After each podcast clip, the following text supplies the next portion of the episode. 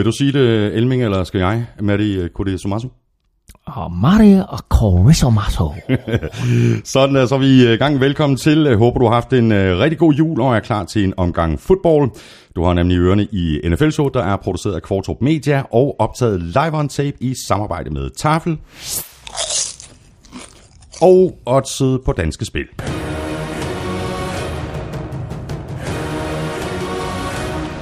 Du ved, hvor du øh, finder os. Du kan abonnere og downloade i iTunes, eller der, hvor du nu øh, foretrækker at hente dine podcasts. Alternativt, så kan du lytte i SoundCloud på gulklud.dk og på nflshow.dk.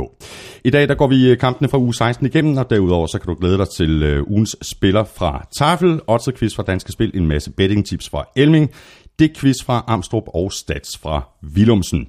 Tak for de seneste anmeldelser i iTunes, og tak til alle, der støtter os med et øh, valgfrit beløb på tier.dk eller via det link, der ligger på nflshowet.dk. Jeg hedder Thomas Kvartrup og Claus Elming. Vi øh, gør det ligesom sidst. Øh, sten, papir, saks, 1, 2, 3 nu. Husk nu det der med papiret, ikke? På første hug, ikke? Okay. 1, 2, 3, nu! sagde det jo!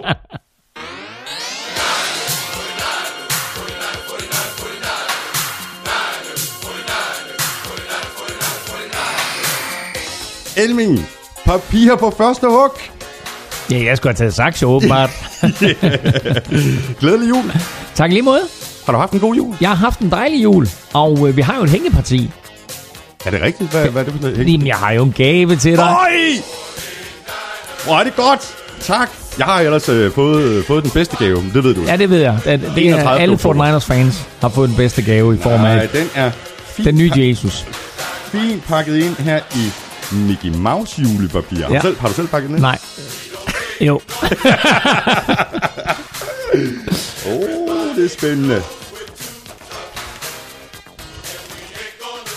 Åh, oh, hvor er det fedt.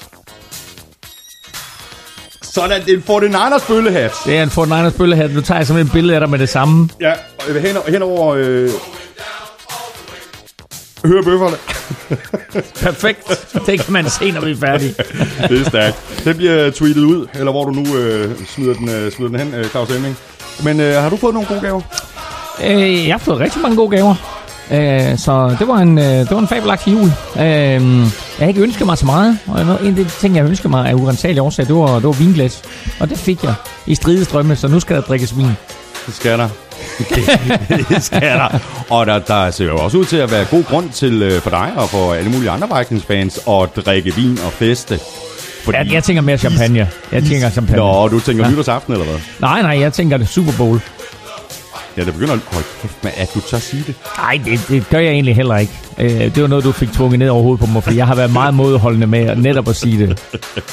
det er glimrende, Claus Vi kommer til at tale meget mere om det, fordi vi giver den gas nu.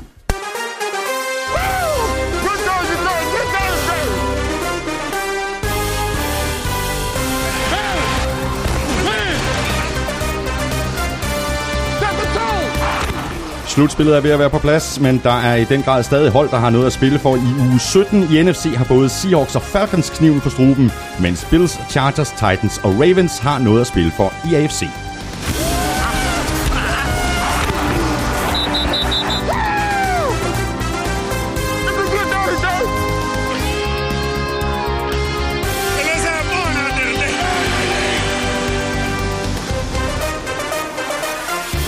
Hvad er det smarteste at gøre, hvis playoff-pladsen og seedningen er på plads? Spiller man med starterne for at holde momentum, eller sparer man spillere for at være friske til slutspillet? Vi giver et bud, når vi kigger på slutspilsbilledet. Jeg hedder Thomas Kvartrup, og med mig har jeg Claus Elming.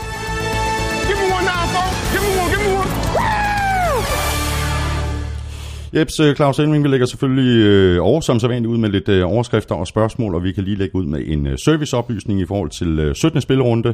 Der er nemlig hverken torsdags, lørdags eller mandags kampe. Alle kampe bliver spillet søndag aften, altså nytårsaften, og det er selvfølgelig for at maksimere al den spænding, der er tilbage i forhold til slutspillet. Et det, og øh, to, så er det interessant er også, at NFL har valgt ikke at have nogen Sunday night kamp. Mm. Og det er jo en justering, de har lavet i løbet af sæsonen her. Og øh, det er endnu et vidnesbyrd om, at det går ikke helt så godt med seertallene, som NFL øh, havde håbet på, og som NFL plejer at have. Så derfor så har de altså valgt nu og eliminere den her sene søndagskamp, fordi det er jo selvfølgelig en nytårsaften, og så siger de, jamen, øh, vi kan nok ikke øh, konkurrere med såbesteger, is og fyrværkeri. Æh, så øh, det, er, det er interessant, mm. at NFL øh, trækker stikket på den måde, fordi de har altid bare øh, kørt på, og øh, altså, som vi kender det fra de senere år, jamen, altså, så var det jo altid søndag og mandag, der blev spillet så pludselig så øh, blev torsdag taget med, øh, kun en enkelt torsdagskamp, så kom der et hav af torsdagskampe, altså en hver uge selvfølgelig. Mm. Æh, så er vi begyndt at få lørdagskampe og så videre. Æh, nu skruer de pludselig en lille smule tilbage, og ja, det er det er ganske interessant, interessant at ja, se, fordi det her det er første skridt på mm. vej øh, mm. tilbage øh, for NFL, hvor det sådan, de altid bare har sagt, at hey, vi dominerer, og når vi lægger en kamp, så er der folk. Men øh, sådan har det ikke været tilfældet i år. Mm. Før vi øh, kigger på øh, slutspilsbilledet, øh, Claus, så lad os lige runde øh, James Harrison, som øh, Steelers jo sagde farvel til øh, tidligere på ugen. Og hvem har nu signet ham? Af alle, det har New England Patriots, og hvis det er simpelthen så Patriots-agtigt og Bill Belichick-agtigt det her. Mm. Øh, der, der er faktisk øh, flere, der har været inde og spekulere i det her, før det kom på plads. Øh, Jesper Lindstrøm, han skrev sådan her på øh, Twitter. Øh, wow, kan vide, hvor han så lander. Kunne Pats nappe ham og få info af ham til en eventuelt AFC-finale? Øh, og det samme gjorde øh, Christoffer Venegård. Han skrev, øh, jeg er chokeret. Hvorfor cutter man klubbens all-time sack leader, kulturbærer og en legende i øvrigt på nuværende tidspunkt? Hvorfor ikke give ham sæsonen ud, om ikke andet så for at vise respekt til en lojal legende? Og så det store spørgsmål, skriver Christoffer. Kunne man forestille sig, at et andet hold ville samle ham op? Han er, på trods af sine 39 år, stadig et bæst med en vanvittig fysik. Skrækscenariet er naturligvis, at Belichick melder sig på banen. Og det gjorde han så. Det gjorde han. Der er to aspekter af det her. Et, hvorfor øh, lader Steelers ham gå? Øh, lad os svare på det først. Øh, han øh, har jo ikke spillet ret meget Nej, i år, så han har siddet på bænken, og der har været nogle billeder af ham også, hvor han har siddet på bænken, og han har ikke set specielt tilfreds ud. Øh, det betyder ikke, at man nødvendigvis cutter ham, men han har været øh, utilfreds øh, på træningerne også, utilfreds i omklædningsrummet, har skabt en dårlig stemning, øh, har ikke af urensagelige årsager vil lære fra sig.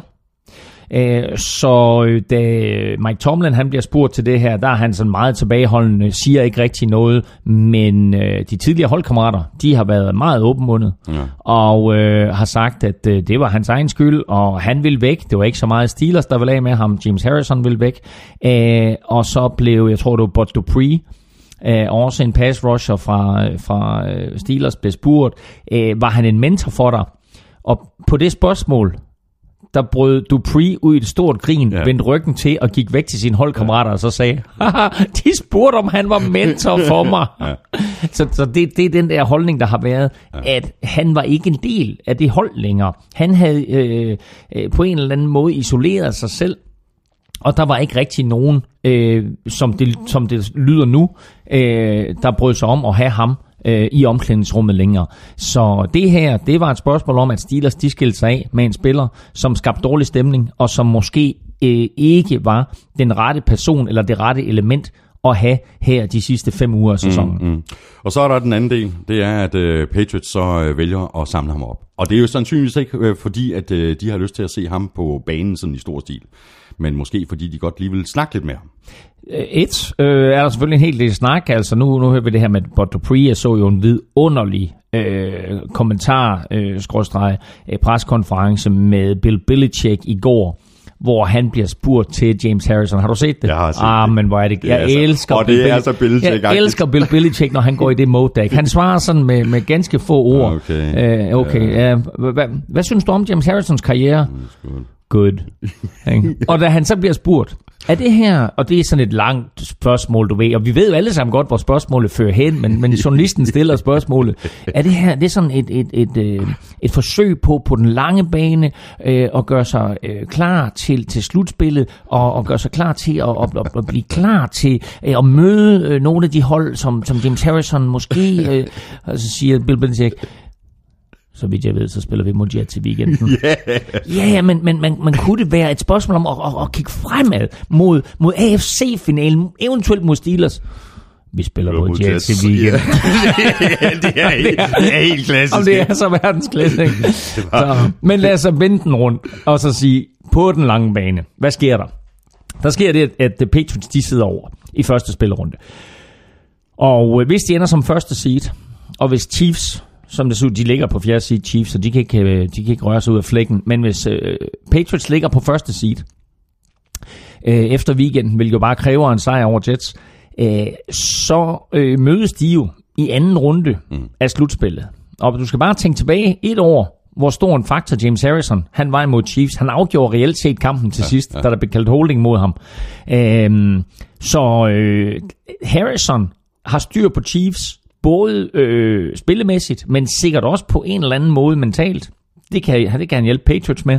Og kigger du så en tak videre, at de skal møde Steelers, så er der selvfølgelig en masse playbook-ting. Der er en masse kald, både på den offensive linje og på den defensive ja, linje. Ja. Når du er inde, og du står inde et play, og den offensive linje skal justere, alle de der kald, dem kender James Harrison. Han kan ikke nå at informere sin holdkammerat om dem alle sammen. Men når du kender Patriots og deres tilgang til tingene, deres evne til at forberede sig absolut bedst muligt, deres vilje til at bruge tiden til at forberede sig bedst muligt, så får James Harrison en afgørende rolle i at sige, hvad er det for nogle kald den offensive linje gør? Hvad er det for nogle justeringer, de gør? Er det nogle kald, som, som jeg kan mm, lære de andre, så de kan være bedre forberedt ind midt på banen i en given situation? Og det samme på forsvaret sådan set. Gå ind og undervise den offensive linje. Gå ind og undervise øh, øh, Tom Brady i, hvad er det helt præcis forsvaret de gør, hvad er det, hvad er det vi har trænet, hvad, hvad var det vi gjorde sidst, hvor, hvor vi, ja, hvor vi ja. spillede og var så tæt på at slå ja. jer. Så må vi gå ud fra, eller så må vi håbe for, for Patriots, at uh, James Harrison han er mere villig til at lære fra sig i den nye situation, end han åbenbart har været i, i den her sæson i Pittsburgh. Altså hvis du ser billeder af ham, han er jo altid Olm. Ikke? Han er jo, jo, altid jo. Olm, så nu er han endnu mere Olm, så nu er han sur på Steelers, ikke? Du ja. ved, den her mand, der er jo kom tilbage fra pension, da Steelers havde allermest brug for ham, øh, og faktisk spillede en rigtig god sæson sidste år. Øh, og, og så i år øh, på en eller anden måde ligesom var, altså hans rolle var selvfølgelig til at starte med en, en, en super backup, men stille og roligt, så er hans spilletid jo blevet minimeret, og, øh, og har øh, i flere kampe slet ikke været på banen. Mm. Hvor, hvor efterlader det James Harrison sådan set med, med Steeler-fans øh, briller og hans øh, legacy? Jeg håber, for James Harrison, at det her, det bliver en Brett Favre-situation, hvor lige nu der er alle chokeret og skuffet og sure. Uh, han spiller den her sæson færdig for Patriots, så trækker han sig tilbage, og om tre år så kommer han tilbage, uh, fire år så kommer han tilbage uh, ind på uh, Heinz Field og får den hyldest, som, som uh, han fortjener. Og måske får han det tror jeg, jeg tror ikke han får trukket sin trøje tilbage, det gør han nok ikke. Men han får en eller anden form for hyldest for en uh, lang og gloværdig Steelers karriere. Lad os bare kigge på øh, slutspilsbilledet, øh, hvor der er jo rigtig mange ting, der er faldet på plads, men hvor der stadig kan ske ting og sager. Lad os bare blive i, øh, i AFC-halvdelen, øh, Claus. Øh, Patriots øh, nummer 1, Steelers nummer 2, Jaguars nummer 3, Chiefs nummer 4, Ravens nummer 5 og Titans nummer 6. Og lige udenfor, øh, stadig med en øh, chance for at komme ind i det gode selskab, har vi altså øh, Chargers og Bills.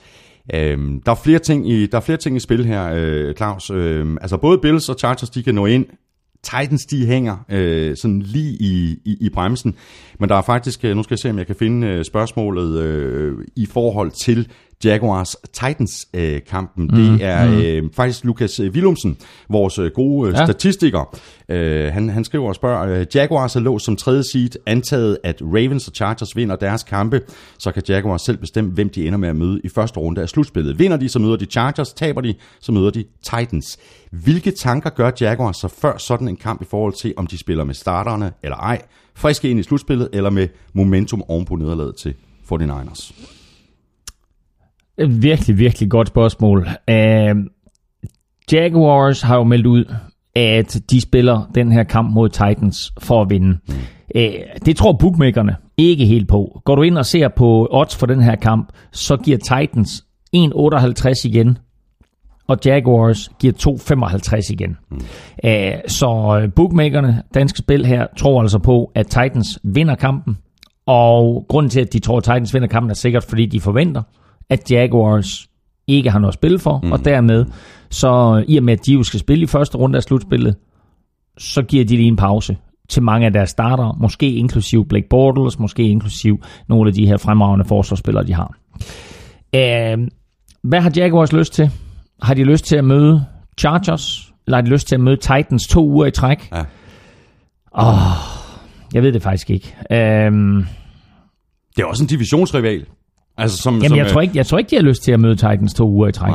Øhm, på den anden side, På den anden side, så altså, Titans betragter jeg som et dårligere hold end Chargers.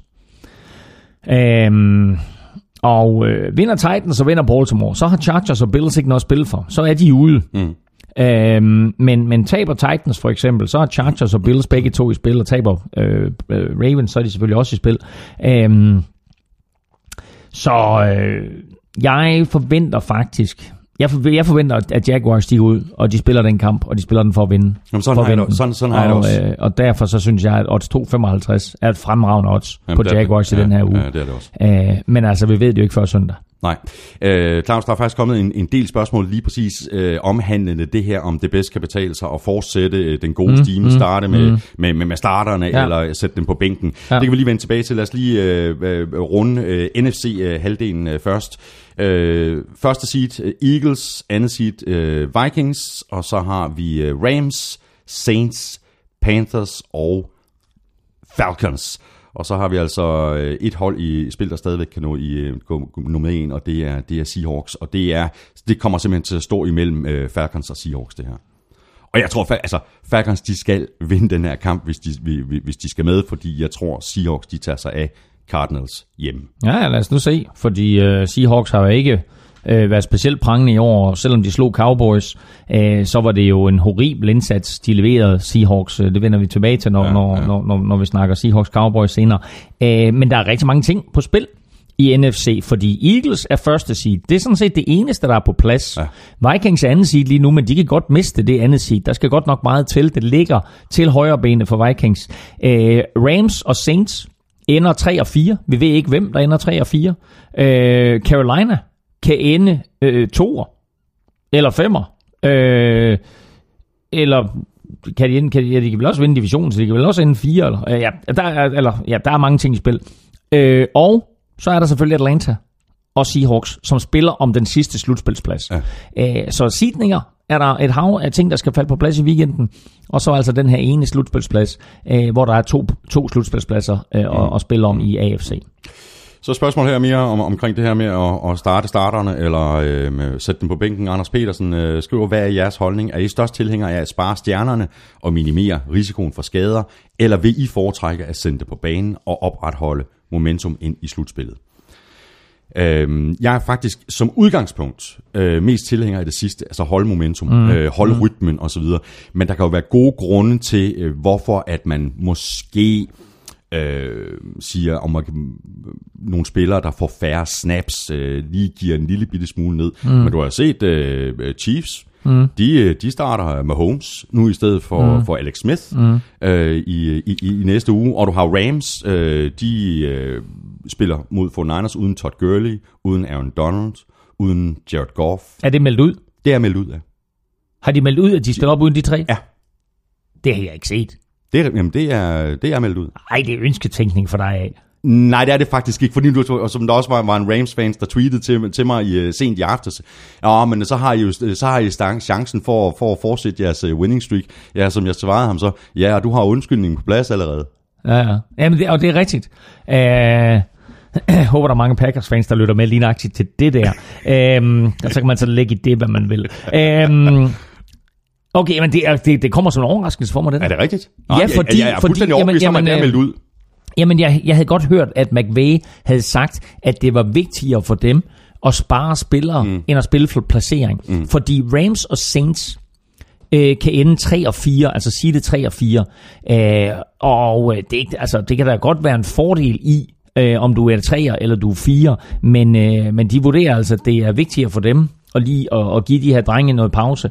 Øh, måske se nogle andre spillere an, men ja. måske også bare lige sørge for, at, at Gurley han ikke får sine 30 boldberøringer, Præ- præ- præcis. øh, og at Goff ikke bliver sækket. Øh, og altså Aaron Donald, jamen altså gør ham frisk til slutspillet, det vil være, ja, ja. altså der, der, der er mange, der håber på, du ved, ah, kunne han lige få en, en, en lille knæskade eller en ankelskade eller et eller andet Ja, ja, inden ja. slutspillet, så ville det være rart. Så på nok. den måde giver det jo i, i virkeligheden øh, god nok mening, og jeg tror der stadigvæk Rams, de går derefter og, og vinder den her kamp over for den Niners, og, og det er der heller ikke ens betydning med, fordi, fordi de, de, de hviler de her øh, tre øh, spillere, at de ikke vinder over for hvem, hvem er backup for Rams? Quarterback? Og det kan jeg da ikke engang huske. Nej, nej, men, men det interessante er, hvem der er backup, for ja. han spiller jo et eller andet sted i NFL til næste år. Ikke? Altså nu kan Jo, du se, jo, det, er jo. Nick, det er Nick Foles, det er Case Keenum og det er Jared Goff, så hvem Ja. der ender backup Nå, ja, for Jared rigtigt. Goff, han rigtigt. spiller et eller andet sted i slutspillet det- til det næste år i rigtigt. NFL. Men Jeff Fisher er ude af ligningen. Ja, det, det er så rigtigt nok. øhm, Jeff Fisher var øvrigt på plads i Nashville til kampen mellem Tennessee Titans og Los Angeles Rams, hans to tidligere mandskaber, Ja. der mødtes der i sidste ja. weekend. Øhm, nå, lad mig, lad mig lige vende tilbage, fordi den anden interessante ting her, det er jo med Holmes. Og jeg kan forstå, hvorfor Chiefs de vælger at spille med Holmes i den her weekend. Fordi Chiefs ligger fast på fjerde seed. Ja. Det er fuldstændig afgjort, at Jaguars ender tredje seed, og Chiefs ender fjerde seed. Det vil sige, at de ligger fast. Der er ikke noget som helst, der kan rokke ved det. De har behov for at give Patrick Mahomes nogle snaps, give ham en hel kamp, give ham muligheden for at styre et angreb, høre kaldene, være på banen, opleve tilskuerne, mm. alt det der virak, der er omkring at spille en kamp. Ikke kun at være øh, til træning, ikke kun at stå på sidelinjen. Han skal opleve det, han skal ind og mærke det, hvis det er sådan, at der bliver behov for ham i slutspillet. Og De- vel at mærke i en kamp, der ikke betyder noget. Ja, ja, altså jeg vil så have ønsket for ham måske, at det faktisk be- betød noget, ikke? Sådan, så han også kunne mærke den, den del af det, men altså her, ikke? det er hele den der, det er øh, hele det der med at få det ind på ryggraden. Hvad er det, der sker øh, mellem spillene? Hvad er det, der sker, når du står inde, og, og du skal se, hvordan forsvaret justerer? Hvad er det for nogle justeringer, du selv skal lave? Hvad er det for nogle audibles, du skal kalde?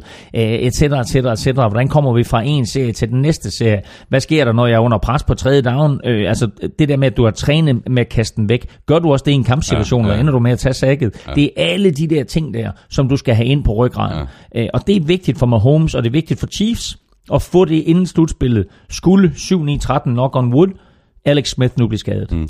Hvad er du tilhænger af, Claus, sådan helt overordnet? Altså hvis vi skal svare på, øh, på Anders Petersens øh, spørgsmål. Altså som udgangspunkt, der er jeg mest tilhænger af, med risiko for skader, mm. at starte starterne. Altså simpelthen køre videre, hvis, hvis, man, er, øh, hvis man er hot, jamen, så mm. forbliv hot i stedet Jeg, for jeg, har, øh, jeg, for- har for en bruge klok, jeg har en klokkeklar holdning. Du spiller alle dine starter, med mindre der er nogen, der har brug for en pause. Præcis. Er der en eller anden, der har en lille ankelskade ja, eller ja. et eller andet, så giver du vedkommende en pause, eller så spiller du alle dine starter.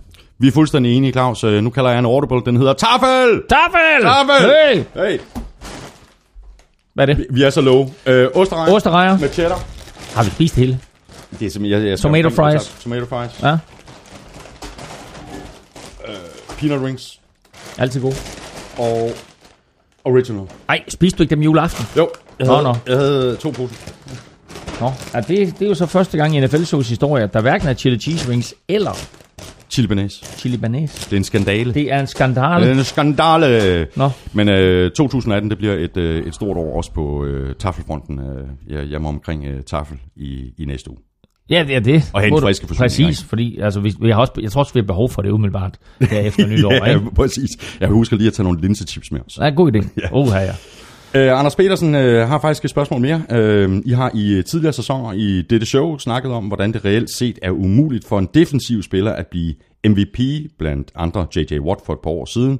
Men hvis Todd Gurley ikke får prisen i år, er vi så efterhånden der, hvor vi kan konstatere, at MVP-titlen er en quarterback-konkurrence. Og har I forslag eller ønsker til en mm. ændring af MVP-uddelingen, for eksempel en opdeling til en offensiv og en defensiv MVP?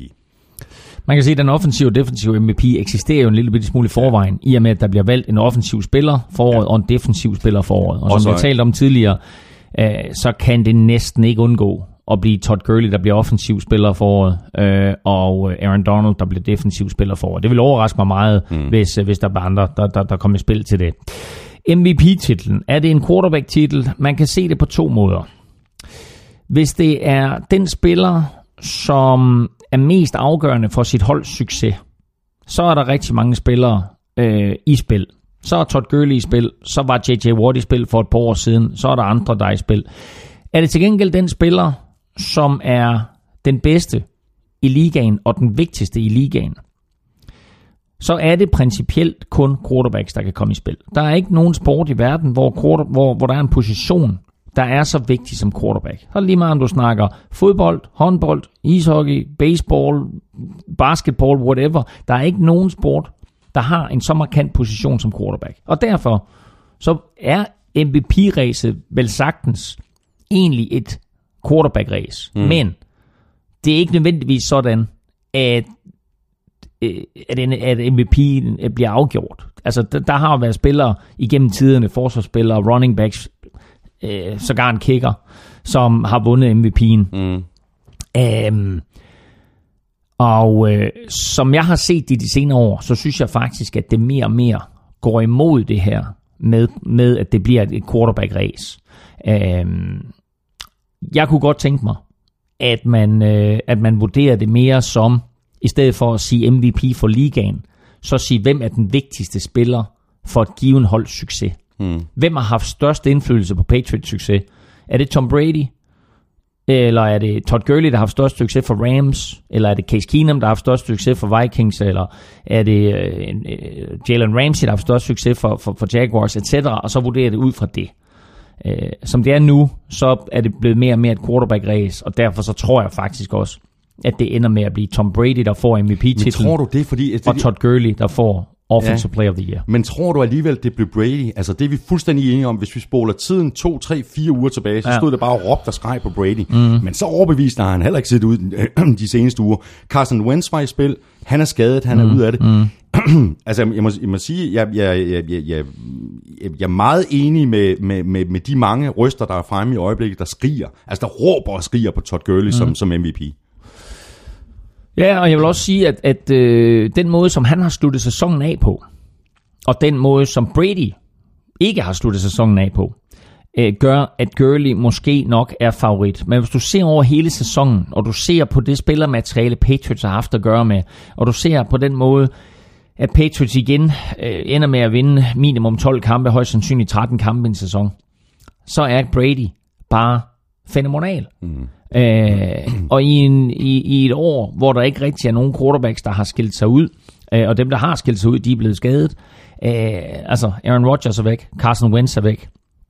Så har du Tom Brady, så har du øh, Case Keenum, du har selvfølgelig Big Ben Roethlisberger, ja, som, øh, som, som virkelig, virkelig har spillet sig op, og ser du, ser du på, på, på de sidste øh, den sidste måned, altså så er Roethlisberger der med inde i, mm, i, mm. i, i konkurrencen om at blive MVP.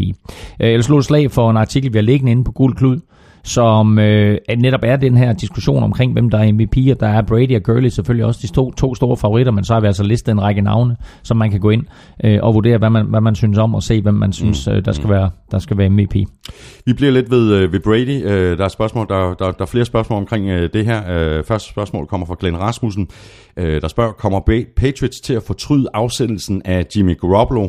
Før John Brady selv trækker stikket, og Alex Schuleit øh, har skrevet en, øh, en meget lang øh, mail omhandlende det samme, øh, men kogt ned, der går det på, om, øh, om Patriots og Bill Belichick har truffet en kortsigtet beslutning ved at holde fast i Brady, frem for at satse på fremtiden i Jimmy Garoppolo. Som Alex skriver, så virker det til at være en sentimental beslutning, øh, meget ulig Patriots. Øh, lige nu ser det bare ud til, at Patriots har foræret yderligere til 15 år som kongen af NFL Playoffs Super Bowl væk til 49ers. Tillykke til Thomas. ja, tillykke til dig. Ja, tak. Og, og, og, og resten af verdens 49ers fans. Uh, jeg kan sagtens se det der. Uh, nu skal vi sige, at, at ja, uh, Jimmy Garoppolo har uh, i den grad sat, sat liv og forhåbninger uh, i, i 49ers og i hele organisationen og, alle, og hos alle deres fans. Men altså, lad os nu lige spise brød til at så sige, altså, kan han opretholde det her mm. en sæson? Mm. Øh, er han virkelig så god? Det, det ved vi reelt set ikke endnu. Han har leveret fire spektakulære kampe i spidsen for 49ers. Øh, det kan man ikke tage fra ham. Fire sejre. Øh, og øh, taget et hold, som startede sæsonen 0 og 9, øh, og pludselig øh, gjort dem til et 5 og 10 hold, ikke? Altså fem sejre de sidste seks kampe. Mm. Øh, det, det er imponerende i sig selv. Jeg vil sige et. Ja, jeg synes måske, at... Øh, hvad hedder han, der stillede spørgsmålet? Øh, der, der er to, der stiller spørgsmål. Okay, det er Alex ja. Schuleit her det sidste. Ja, okay. Øh, jamen altså, jeg vil sige, øh, ja, måske er det en smule kortsigtet. Fordi mm. Brady er blevet 40, og vi har talt om det mange gange, at det kan gå ned ad bakke meget, meget hurtigt. Mm. Brady har kastet en interception fem kampe i træk. Det har han altså ikke gjort siden 2002. Øh, så, så pludselig så er der et eller andet der, der ikke fungerer. Øhm, han har selvfølgelig ikke de receiver omkring sig, som han har haft tidligere. Det har været helt tydeligt i løbet af året, at, at, at pludselig så de her skader, de har haft på receiver, det, øh, det har altså haft en indflydelse på, på Patriots spil, og ikke mindst på Tom Brady spil. Øh, så havde de på nogen måde mulighed for at holde fast i Garoppolo, så ville jeg nok have gjort det. Det er ikke sikkert, de havde det. Men det havde de ikke. Det er ikke sikkert, de havde Garoppolo det. havde sagt, venner, nu går den ikke længere. Ja, ja. Jeg skal have starterløn nu, ikke? Ja. De ville gerne, og de ville Præcis. gerne, fordi øh, for Niners og Patriots talte jo allerede i offseason mm. om Garoppolo. Og grunden til, at jeg troede, det her det ville ende med, at Kirk Cousins kom til 49ers, det var fordi Patriots ikke ville slippe ham. Mm. Og så tænkte jeg, okay, mm. skal vi så se til at se en, en Montana-Steve Young-situation, hvor mm. 49ers i gamle dage mm. slap Montana, selvom han stadigvæk var fantastisk, overlod øh, tøjlerne til Steve Young, så tænkte jeg, nu lader de ham gå. De mm. lader Tom Brady gå. Mm. Og så endte det på den her måde. Mm. Jeg synes, det virker en lille smule kortsigtet. Meget kortsigtet faktisk. Mm. Og så synes jeg faktisk måske også, hvis man skal blive, blive en smule konspiratorisk, lugter en smule af, at Bill Belichick han har tænkt sig at stemple ud for Patriots samtidig med John Brady. Det tror jeg, du har ret i. Det tror jeg også, han gør. Jeg tror, John, John Brady og øh, Bob Belichick, de tjekker ud samtidig. Ja. Øhm, men jeg tror ikke, at han er så ond i sulet, så han sender den næste store quarterback videre med vilje. Han gjorde det faktisk så smart, så han sendte ham så langt væk, som han overhovedet kunne. Ja. Ikke kun i øh, kilometermæssig forstand, men også på den måde, at han sendte dem til en NFC øh, modstander, som på papiret havde rigtig, rigtig lang vej igen, og som de kun kan møde hver fjerde år, eller i en eventuel Super Bowl. Mm. Øh, så på den måde, der, øh, der sørgede han for, at vi sender Jimmy Garoppolo væk. Vi får en lille bitte smule for ham. Et andet runde pick. Eller det er ikke en lille smule, det, det er en hel del, men det kan jo vise sig at være langt fra den værdi, han reelt set havde. Øhm, til gengæld, så kommer, vi, så kommer han ikke til at gøre ondt på os. Han kommer til at gøre ondt på alle mulige andre i den anden halvdel, mm. men altså en gang hver fjerde år, og, og kun hver anden gang på hjemmebane, kommer, eller på udebane, kommer vi til at møde ham her. Ikke? Øh, det vil sige, altså, lad os sige, at han får 10 år i ligaen, så møder de ham to gange. Ja, ja. Ikke? Altså, Jo, jo. det, det, det, det, det, det, det er den måde, han har tænkt på. Hvis han sendte ham til Cleveland, så kommer han til at møde ham lidt oftere, og måske en dag også i slutspillet osv. Mm. Øh, så jeg synes, det er kortsigtet. Jeg er sikker på, at Jets, Dolphins og Bills, de jubler og tænker, det er da forrygende det der. Ikke? Øh, lige nu, der hedder backupen, han hedder Brian Hoyer, øh, Brian Hoyer fra Valby. Øh, og, altså, og der, var, der var masser af flere spørgsmål, som vi slet ikke har været omkring, men øh, øh, jeg, jeg tror, altså, du har ret i det, du siger, og det talte vi også om tidligere i NFL-showet. Garoppolo og hans agent forlangte starterpenge. Ja. Det vil sige, at han skulle have været op og have 16-18 millioner dollars. Du kan se, Mike Glennon blev hentet til Bears for 18 millioner dollars. Nu sidder han på bænken. Mm. Det var den type løn, som Garoppolo ville have. Uh, og det er der altså ikke nogen backup quarterbacks, der får Nej. i NFL. Og nu bliver det spændende at se, fordi uh, Brady og Garoppolo har jo samme agent. Nu bliver det spændende at se, om Garoppolo også har arvet Bradys mådehold, når der skal forhandles kontrakt. Fordi det er jo, lige, det er jo, det, det er jo en af grundene til, hvorfor at Patriots har kunne være så stærke i alle de år, hvor, hvor Brady har været quarterback. Fordi han ikke har krævet det, han kunne kræve. Ja, både og. Altså, jeg ved godt, at man siger, at Brady har været modholdende, og han har øh, lavet nogle, øh, nogle lempelige kontrakter, der sørger for, at, at de kunne hive nogle spillere ind rundt omkring ham. Men altså, hvis man kigger på den kontrakt der, så er der bare skubbet en masse, masse penge ud i fremtiden. Og når Brady han engang trækker sig tilbage, så når Gud ejer han også 20% af Patriots. Ikke? Altså, der er ja, nogle ting der, som man lige skal øh, finde ud af helt præcis, når Brady han engang trækker sig tilbage. Hvad er det for nogle penge? Hvad er det for noget, Patriots skylder ham? Hvor meget er skubbet ud i fremtiden, etc. etc. Øh, du skal ikke bilde mig ind, at han har sagt nej tak til, lad os sige, igennem årene, måske et, i stedet i nærmere 100 millioner dollars, hvis ikke mere. Fordi den måde, som de påstår, at hans kontrakt er skruet sammen på, de penge, han har sagt nej tak til, der vil jeg tro, der nærmer vi os 100 millioner dollars, han har sagt nej til. Det har han ikke, lad mig sige det på den måde. Så har vi øh, endnu et spørgsmål fra Anders Petersen. Han giver den gas i dag. Øh, hvem ser I som øh, favorit til at blive Coach of the Year? I mine øjne må favoritterne være Doug Marone og Sean McVay. Den forandring, som, henholdsvis Jaguars og Rams har været igennem i år, er simpelthen fantastisk. Og det, er vel, det kan vi vel bare give Anders fuldstændig ret i. Jo, jo, men jeg synes, der er nogle andre, du er nødt til at nævne. Du er nødt til at nævne Doug Peterson i, i Philadelphia Eagles. Du er nødt til at nævne Mike Zimmer i Minnesota Vikings. Og du er nødt til, synes jeg, at nævne Bill Belichick. Fordi det er jo vanvittigt, at han uanset hvad han har af materiale, og uanset den sæsonstart, de får, og alle tænker, hold det op, det her Patriots-mandskab, det er godt nok elendigt. Mm. De er 12 og 3. Altså, der er ingen andre træner i NFL, der havde fået det Patriots-mandskab med det materiale til at være 12 og 3. Ja, de har en stjerne quarterback, som kan vinde kampe på egen hånd, og så sent som i, i, i februar ført sit hold tilbage fra at være nede 28-3 i en Super Bowl til at vinde. Men det han har gjort igen i år, Bill Belichick, er helt unikt. Så jeg synes, han skal med i den sammenhæng. Det skal han også. Hvem bliver det? Jeg siger Sean McVay. Jeg siger Sean McVay. Så er vi enige om det. Så er vi også enige om det, Claus. Ja. Øh, spørgsmål her fra Anders Erbo Hansen. Øh, hvad siger I til, at øh, to af de mulige first overall picks, Josh Rosen og Sam Darnold, måske tager et år mere i college, fordi de ikke vil draftes af Browns? Øh, jeg synes, det er rigtig fornuftigt af dem. Jeg synes, det er en pinlig udmelding. øhm, ah, men det er ikke sagt også sådan lidt med... Jeg ved ikke. Jo, men altså, de har, altså, de har, i hvert fald Josh Rosen har været ude ud i hvert fald, at, at han ville i hvert fald ikke til Browns, men, øh, og så har Miles Garrett været ude og sige, hey, der er ikke noget, vi er bange for, vi har en skide god trup og sådan noget. Øhm, og man kan sige, at 2004, der bliver Eli Manning valgt af, på det tidspunkt San Diego Superchargers. Hvilket minder om, har du en sang med noget San Diego Superchargers? Kunne man, kunne man... Der, der har det. Skal vi have den på nu? Ja, det synes jeg da. Sådan der. Det er kun så hyggeligt. Sådan. Eli Manning blev valgt i 2004 af San Diego Chargers, og øh, nægtede jo at spille for dem. Og derfor så blev han traded til New York Giants, og så fik Chargers i stedet for Philip Rivers og et hav af picks, blandt andet Sean Merriman og et par stykker andre.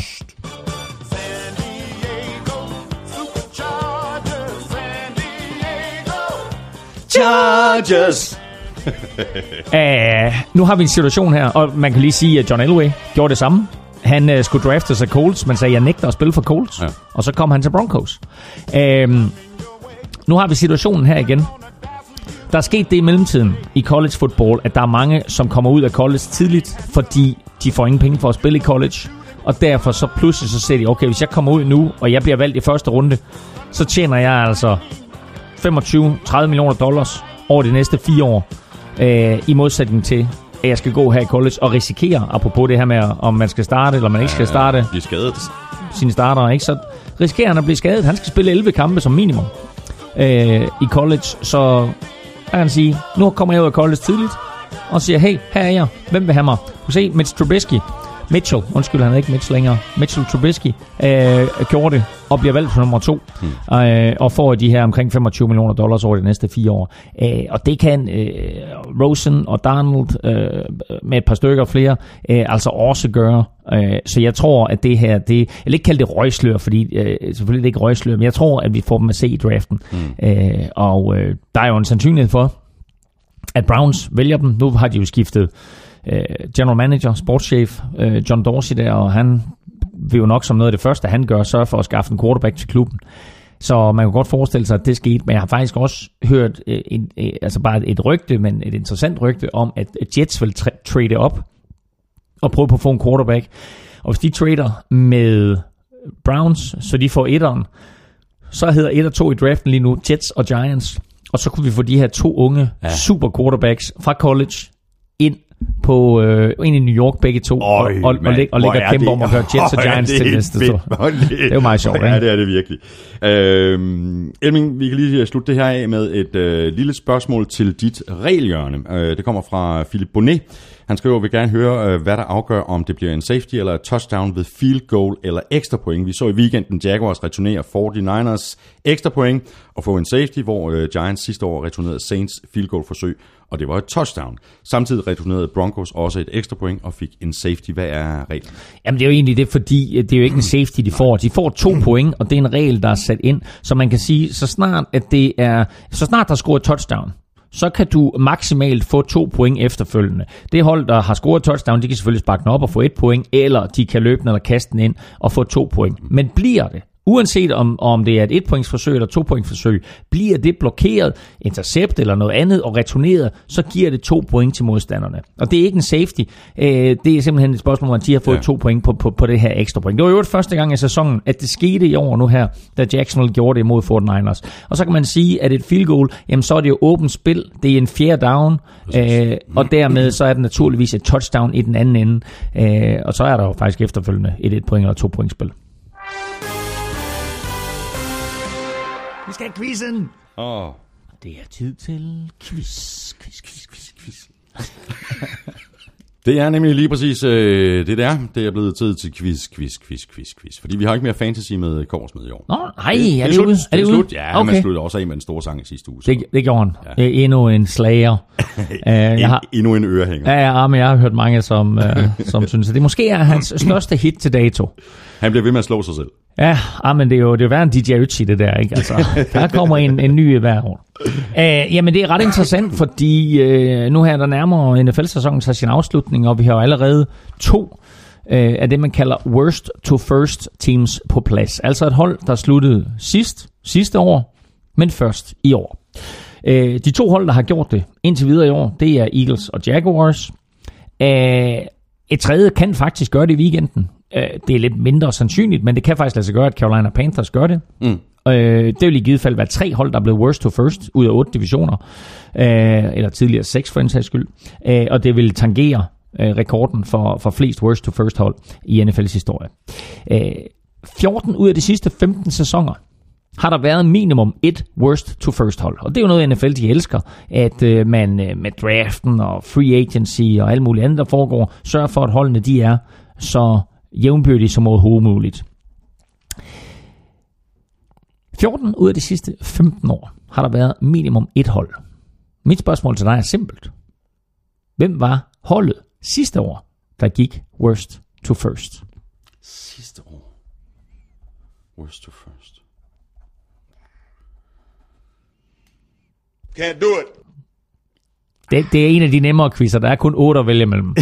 ja, ja, det, ja, ja, hvis jeg kan huske, hvem der blev divisionsvinder sidste Det er år. korrekt. Ja. Nå, jamen, øh, det vender vi øh, frygteligt tilbage til, øh, Claus. Øh, Du skal ikke øh, snydes. Her kommer det quizzen fra Søren Amstrup. No Fun League straffer alt, hvad der frembringer latter. DBU svarede, hold my beer, hashtag store patter. Kun i Danmark bliver det en kioskbasker, for i Buffalo havde de jo Steve store tasker. Og hjemme i Detroit hos Jim Bob Cooter ser de alle kampe downtown på den store Hooters. Digt quiz, digt quiz, pat quiz. Nej, vent. Svar i stedet. Hvem har i år den bedste fjerde down conversion procent? Der er Armstrong i topform. Ah, Det, det, det, er- det er et af de bedre. Det er altså... Øh, åh, jamen, jeg, jeg, hvem var det? Jeg så, jeg så faktisk en kamp, hvor, hvor kommentatoren nævnte, at de havde, de havde konverteret samtlige fjerde downs. Øh, nu, nå, nu må jeg lige lægge hovedet i det blød, se om jeg kan huske, hvem det var. Jamen, øh, øh, har du Can Do It? Nej, jeg har ikke can så do it. tryk på Can Do It. Can't do it. Bare for en god ordens skyld.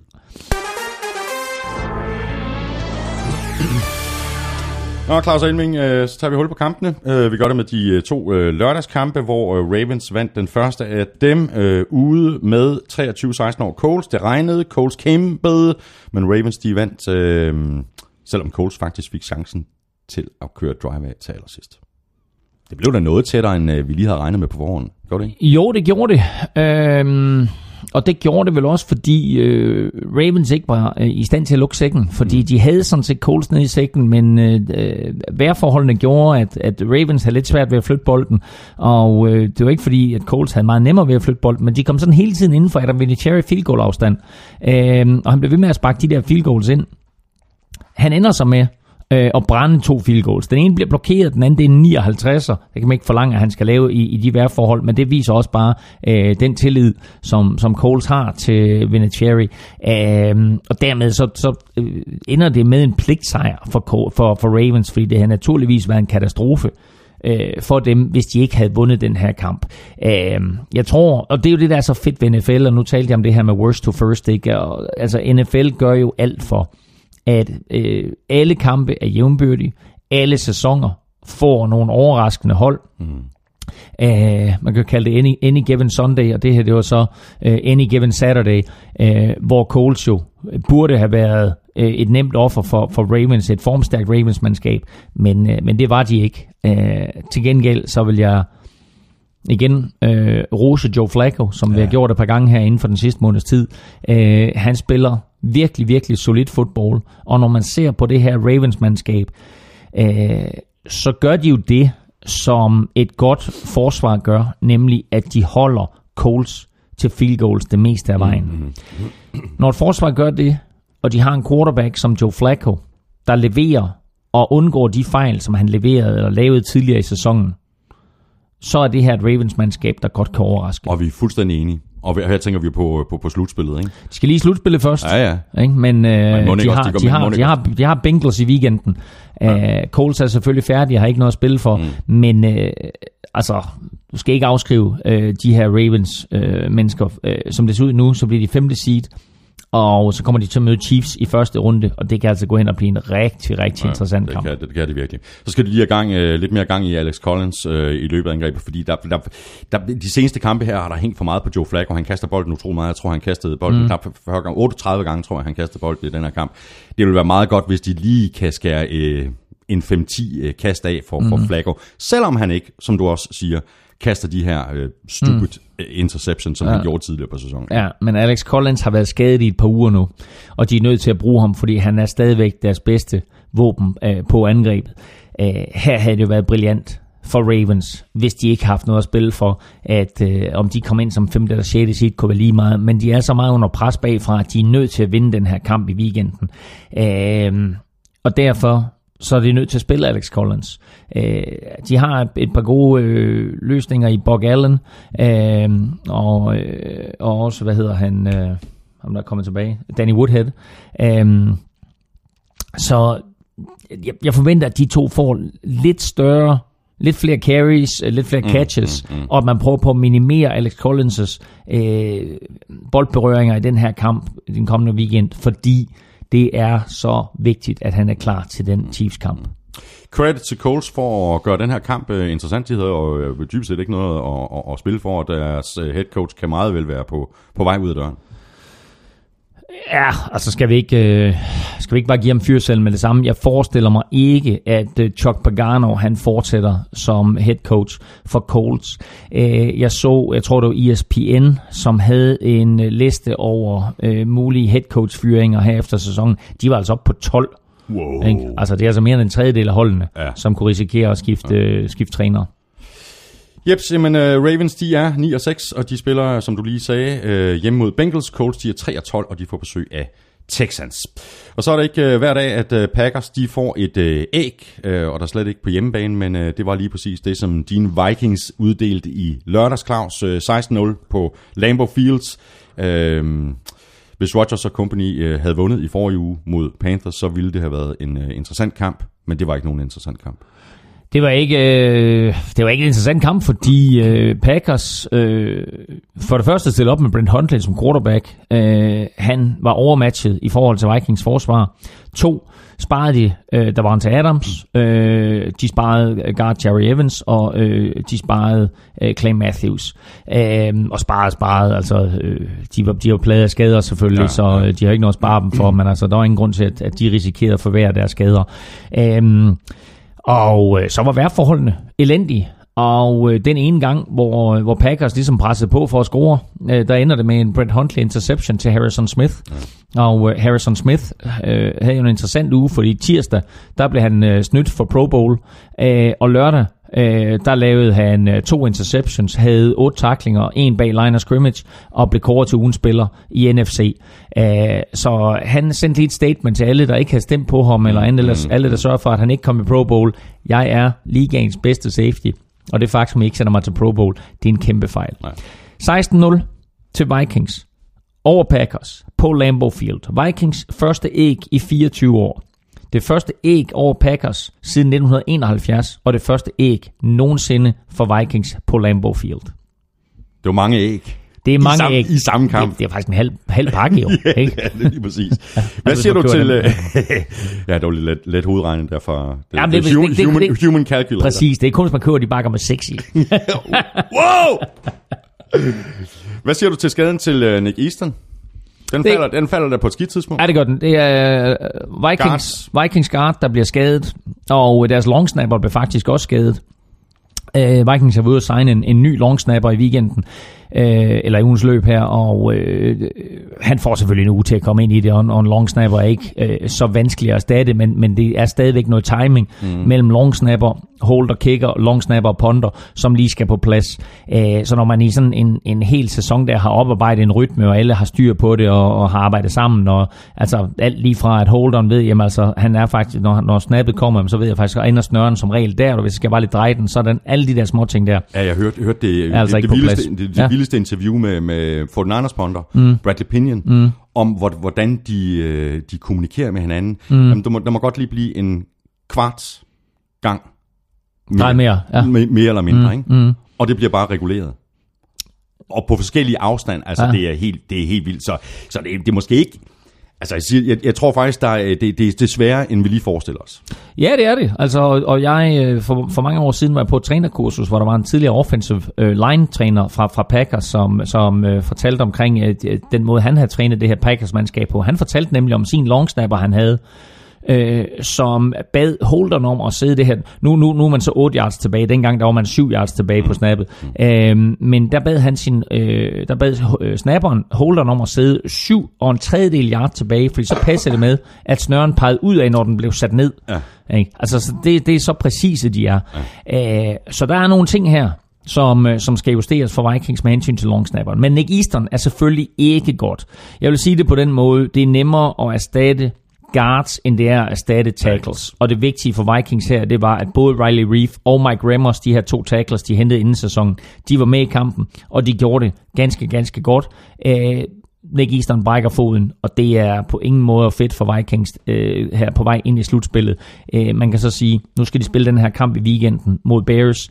Øh, der er mange scenarier, der gør, at de får anden seed Vikings. De kan selv afgøre det med en sejr. Øh, og så har de altså 14 dage til at få øh, spillet den her nye guard ind, øh, hvem det så end bliver. De har endnu ikke hentet en, en ekstra mand udefra, øh, så jeg tror, de opgraderer for egne rækker. Uh, Brett Huntley uh, er den quarterback uh, i år, der har kastet næst flest interceptions i red zone. Hvem har kastet flest? Ja, skal vi sige det Sean Kaiser? Skal vi sige uh, Sean Kaiser? Du har, du, du har vundet et eller andet, Claus.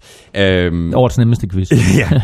Uh, spørgsmål her fra Jens Mogård. Uh, skal Green Bay til at rokere lidt på head coach og general manager pladserne, hvis de skal nå at bygge det rigtige vinderhold op omkring Aaron Rodgers, inden han bliver for gammel? Jeg synes, det er sjovt, fordi... Mm. Eller det er selvfølgelig ikke sjovt, Øh, men det er påfaldende, fordi jeg mener faktisk, at vi havde nøjagtigt samme type spørgsmål, også sidste år, i forhold til, hvad der foregår i Green Bay. Fansene øh, er, they ja. are not amused. Nej, og det er de ikke, fordi øh, Packers fans har været heldige nu i øh, 25 år, at de har haft Brett Favre og Aaron Rodgers. Og øh, de to har nok været i stand til at øh, skjule mange mangler på et fodboldhold, øh, og de mangler ser vi øh, nu her. Øh, kunne en bedre quarterback have gjort Packers bedre? Selvfølgelig kunne han det. Øh, Jimmy Garoppolo havde jo været en helt anden løsning for, for, for Packers, end, end Brett Huntley er. Uh, Brett Huntley har skuffet, han har siddet på bænken bag Aaron Rodgers, nu fik han chancen uh, for at spille, ligesom Aaron Rodgers gjorde, da, da Brett Favre forlod klubben, mm. uh, og den nye Brett uh, har jo på ingen måde levet op til uh, de forventninger, som Packers havde. Uh, det viser det viser så, at øh, det materiale, Packers har, både på angreb og forsvar, øh, slet ikke er konkurrencedygtigt. Og derfor så kommer spørgsmålet naturligvis, skal general manager Ted Thompson skiftes ud? Skal head coach Mike McCarthy skiftes ud? Hvad skal der ske? Og man kan sige en ting om Ted Thompson, som, som i øvrigt er tidligere spiller, har faktisk spillet 10 år øh, i NFL.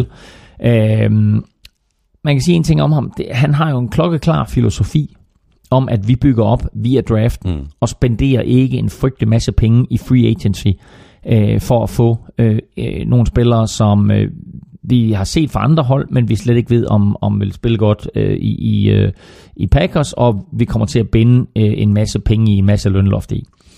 Øh, er det den rigtige tilgang til det? Det ved jeg ikke. Det har, det har, det har været succesfuldt for Packers. Men er det fordi, de har haft Brett Favre, og fordi de har haft Aaron Rodgers? Mm-hmm. Umiddelbart ja. Jeg synes, det her, den her skade til Aaron Rodgers, har vist et tydeligt problem i Packers land, nemlig at de har ikke spillermaterialet omkring ham til at være konkurrencedygtige. Okay. Han gør dem konkurrencedygtige. Ja. Alle andre vil have svært ved at gøre det. Spørgsmålet er så bare, om der kommer til at falde brænde i Green Bay i år. Fordi det er det, spørgsmålet går på. Jamen, det er der, ingen, det er der overhovedet ingen forlydende om. Så jeg tror det ikke. Jeg tror ikke, at der kommer mm. til at ske noget. Packers, de er øh, 7-8. De spiller ude mod Lions. Øh, Vikings, de er 12-3, og de spiller hjemme mod Bears. Og øh, Lions, de havde jo øh, alt at spille for, øh, mens øh, Bengals kun havde æren på spil, og det var så åbenbart nok, fordi øh, Bengals, de vandt øh, kampen 26-17, og dermed er slutspilslyset definitivt slukket for Lions, og jeg forstår simpelthen ikke, hvordan et hold, der skal ud og vinde en kamp, kan spille så uoplagt og se så uforberedte ud. Af, og så en dag mod et hold, der de seneste to uger havde, havde tabt med sammenlagt, øh, jeg tror 67-14, altså Bengals. Det er da en skandale. Bengals havde, øh, efter at de var foran 17-0 mod Steelers, så øh, det næste, det næste to og en halv kamp, tabte de sammenlagt 80-10. Mm-hmm. Så øh, helt crazy, at de... Øh, hvad, hvad er det, der spiller nu? Er din computer? Sådan der. Godt. var, det en, var det en film eller noget? Jamen, det var fordi, jeg var ikke færdig med at se en film. For, nej, jeg tror, det var, jeg tror desværre, det var en reklame. uh, det var fordi, jeg gik ind for at tjekke stats her på, på Bengals Lions, og så ligger der en reklame og kører op i toppen. Så, men den er, den, den er, den er stoppet nu. Uh, Bengals havde været elendige. De havde tabt til Bears, de havde tabt til Vikings, og var blevet ydmyget i begge kampe. Lions kommer ind til den her kamp, har fået en gave i form af et Falcons nederlag. Mm. Det var det, der skulle til for, at de selv kunne komme i slutspillet. De skal bare ud og vinde den her kamp, og så skal de, så skal de vinde i sidste spiluge over Packers med Brad Huntley som quarterback. Så øh, er der en stor sandsynlighed for, at de ryger i playoffs. Ja. Og så går de ud. De lægger ikke et officielt æg, men de lægger et æg ja, i den kamp her. Ja. Altså taber 26-17. Angrebet kan slet ikke få noget til at fungere. Det hører med til historien selvfølgelig, at de har været ramt. Den her offensiv linje, som inden sæsonen så så god ud, stiller op uden en højre side. Skadet center, skadet højre guard, skadet højre tackle.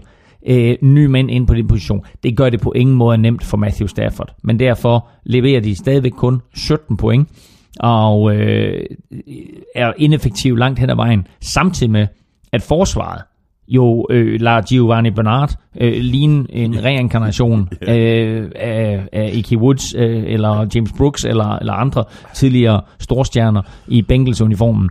Øh, hans bedste kamp, Giovanni Bernard, 116 yards og touchdown øh, og nogle løb, hvor han kommer op, laver en fodfinde og så nærmest sætter tre eller fire mand, øh, som Lions ellers kun er vant til at se Barry Sanders gøre det. Plus øh, syv grebne bolde for nogle 50 yards. Han, og, han er oven i, ja. altså, ja, så, så 180 yards sådan ungefær sammenlagt for ja, Giovanni Bernard, ja. ikke? Men altså det her, det må der være, nu, nu taler du om, øh, om, om problemer på, på den offensive linje, det er også fuldstændig rigtigt. Stafford han spillede som en pose nød, han completed kun øh, omkring 54% af sin kast. Øh, men indstillingen, altså det, altså fordi du har fuldstændig ret, de lagde ikke et æg, men de lavede nærmest et æg sådan mentalt, mm, indstillingsmæssigt. Mm, mm, mm. Det må da også falde tilbage på Jim Caldwell som head coach. Jo, jo, det er også derfor, der er snak om nu, at Jim Caldwell han øh, skal fyres. Mm. Øhm, og der er allerede andre træneremner, der bliver nævnt, men altså det er alt sammen pressen, der spekulerer. Jeg har ikke hørt noget som helst fra de interne linjer øh, omkring, at, at han skulle være på vej ud, men altså det er nok også noget, som, som man holder hemmeligt. Man må sige, altså, øh, du har en, en Matthew Stafford, øh, der stadigvæk spiller det bedste fodbold, han har gjort i sin karriere her gennem de sidste øh, to sæsoner. Øh, og altså, øh, de formår ikke at vinde nok kampe, og de formår ikke at vinde en must-win-kamp, som den her mod Bengals mandskab, der er blevet trynet igennem de sidste 10 quarters. Øh, så går du ud, og, og så taber du 26-17. Øh, altså igen, jeg kan bare sige, any given Sunday, øh, det kan godt være på papiret, der ligner en modstander, en overkommelig modstander, men når du først står der på fodboldbanen, så er det altså bare dygtige spillere hele vejen rundt på begge sider af mandskab, eller på begge sider øh, af banen, og, og altså at Bengals de går ind og vinder den her kamp, det overrasker nok de fleste. Øh, og ikke mindst, tror jeg, Lions og Lions fans. Og det, altså, det viser også bare, at Lions havde ikke kvalitet til at være i det her slutspil. Lions de er 8 og 7, og de spiller hjemme mod øh, Packers. Bengals de er 6 og 9, og de spiller ude mod Ravens.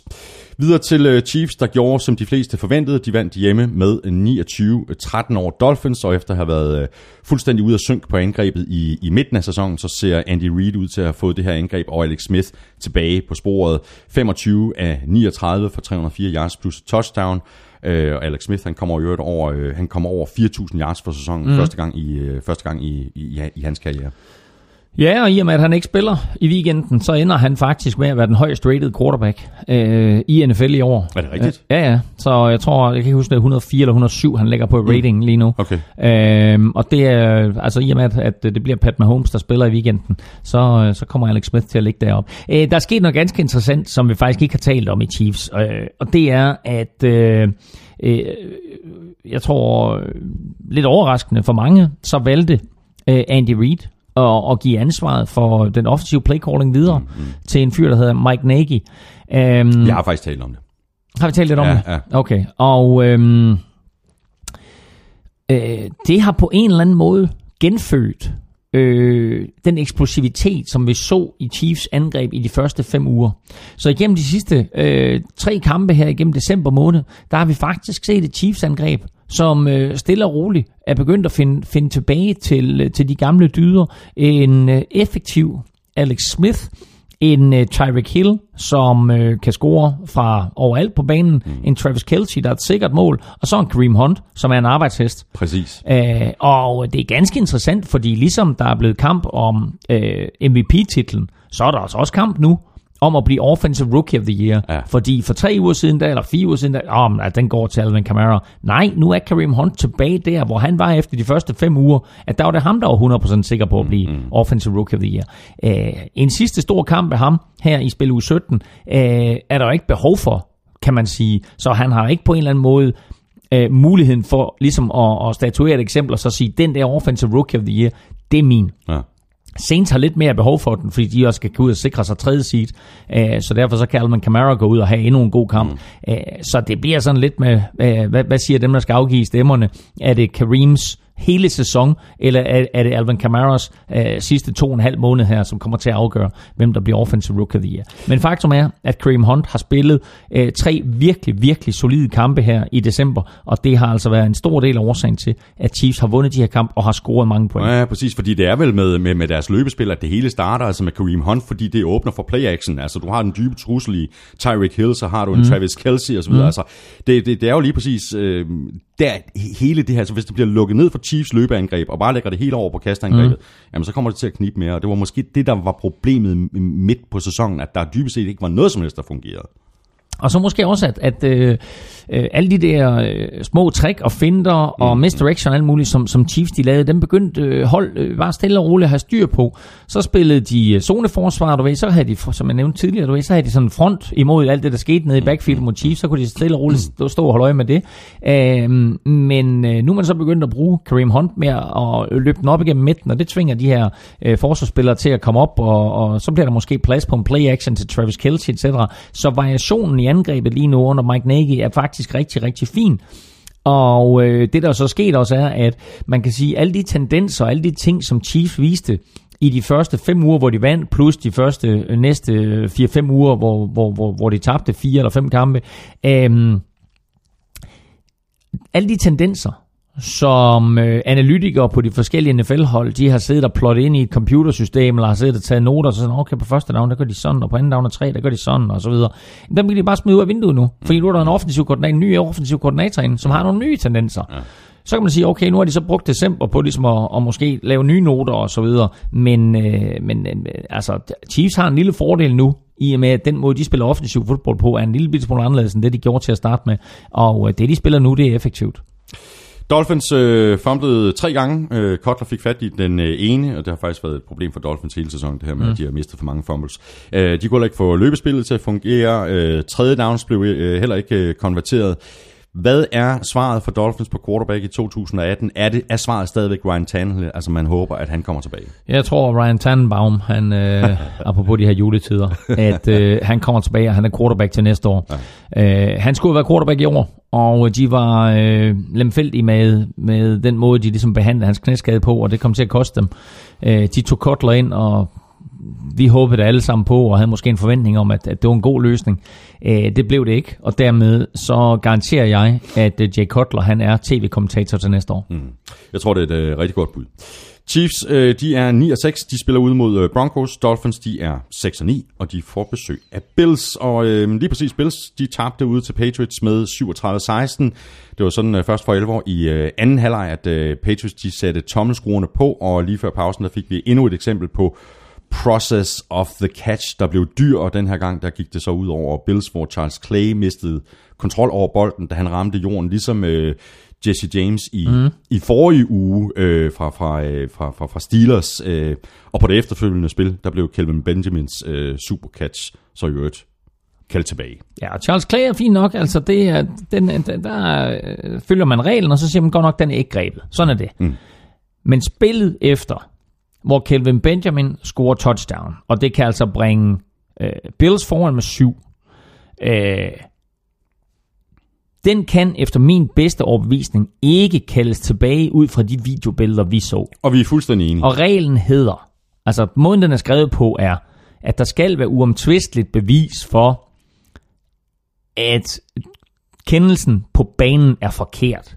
Og det var der ikke. Der var, der var ikke uomtvisteligt bevis. Kunne du se ud fra de billeder, at han ikke havde begge fødder nede? Nej. Nej, det kunne man ikke.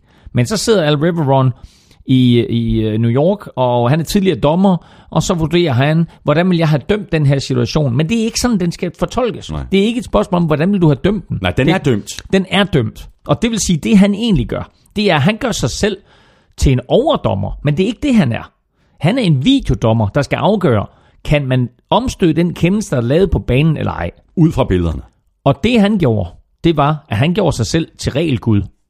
Og det er ikke det, han er. Så jeg synes, det her, man kan, man kan diskutere meget med Jesse James og så videre, og, og, og Charles Clay, men, men, men, men der, er, er, reglen, der ja. er reglen, som den er, og der er det OK, og så kan man sige, jamen jeg hader reglen. Det er ikke det, det drejer sig om. Det her, det er en decideret fejl på den måde, replay bliver håndteret på, og det er ikke godt for NFL. Hmm. Bills øh, kan ikke længere selv afgøre det her. De skal vinde. Udover Dolphins, så skal Chargers og Titans øh, tabe, og hvis det sker, så har de så 6. seed i, øh, i, i AFC. Jeg tror, vi har talt om det tidligere, Claus. De må mm. ærge over den ene kamp der, hvor de startede Nathan Peterman. Hvis Chargers kommer i slutspillet, og Bills ikke gør, så kan man gå tilbage til den kamp mellem Bills og Chargers, Præcis. hvor Bills af urensagelige årsager starter Nathan Peterman, og han kaster fem interceptions i første halvleg. Det ender med en stor sejr til Chargers, siger de har vundet alligevel. Det er ikke sikkert. Fem interceptions. Gør bare. Du får en kortere bane. Jeg tror endda, de scorede på en, hvis ikke to af dem. Øh, og øh, altså, der, altså, der kommer ikke til at rulle hovedet op. Selvfølgelig gør der ikke det. Uh, Sean McDermott, op, der, der er head coach, han uh, er selvfølgelig uh, stensikker i sit job. Men når man kigger tilbage på sæsonen, så tænker man, hvad, Hvad skete der? pokker var det for en beslutning? Og så kan man igen Og det gav, det gav heller ikke nogen mening i situationen. Altså, dengang vi hørte om det, altså, hvorfor det? Ja. Nu, og, så, og så kan man gå tilbage til hans, øh, øh, hans udsagn der, hans kommentar efter kampen, hvor han sagde, øh, jeg fortryder ikke beslutningen, jeg, jeg, jeg fortryder udfaldet af beslutningen. det er det samme. Det er principielt fuldstændig det samme, og hvis du ikke fortryder, altså hvis du ikke kommer i slutspillet, så fortryder du beslutningen. nej, nej, han fortryder kun resultatet. Præcis. Endnu en uh, god kamp til uh, Gronkowski. Uh, Claus, uh, super one-handed uh, TD, og så trak han så en uh, pass interference uh, penalty på 29 yards, uh, der lagde grunden til uh, Mike Gillespie's uh, et yard uh, touchdown. Mm, mm. Uh, jeg synes nogle gange, når man ser på, på, på Gronkowskis stats, så, så det er ikke altid, at de er flashy. Mm. Men jeg mener stadigvæk, at Gronkowski han har simpelthen så stor en betydning for det her Patriots-mandskab. Også selvom der måske, som i forrige uge, hvor han, ja, der var mm. måske tre quarters, hvor man ikke så ham så meget, mm. så lige så har du en angrebsserie, så ser det bare slam. Og det er helt vildt. Det er helt vildt, så stor betydning han har, og det er helt vildt, så øh, svært, øh, andre, eller de andre mandskaber har øh, i, i at det komme op. Øh, altså, der er ikke nogen, som kan matche ham på nogen måde fysisk.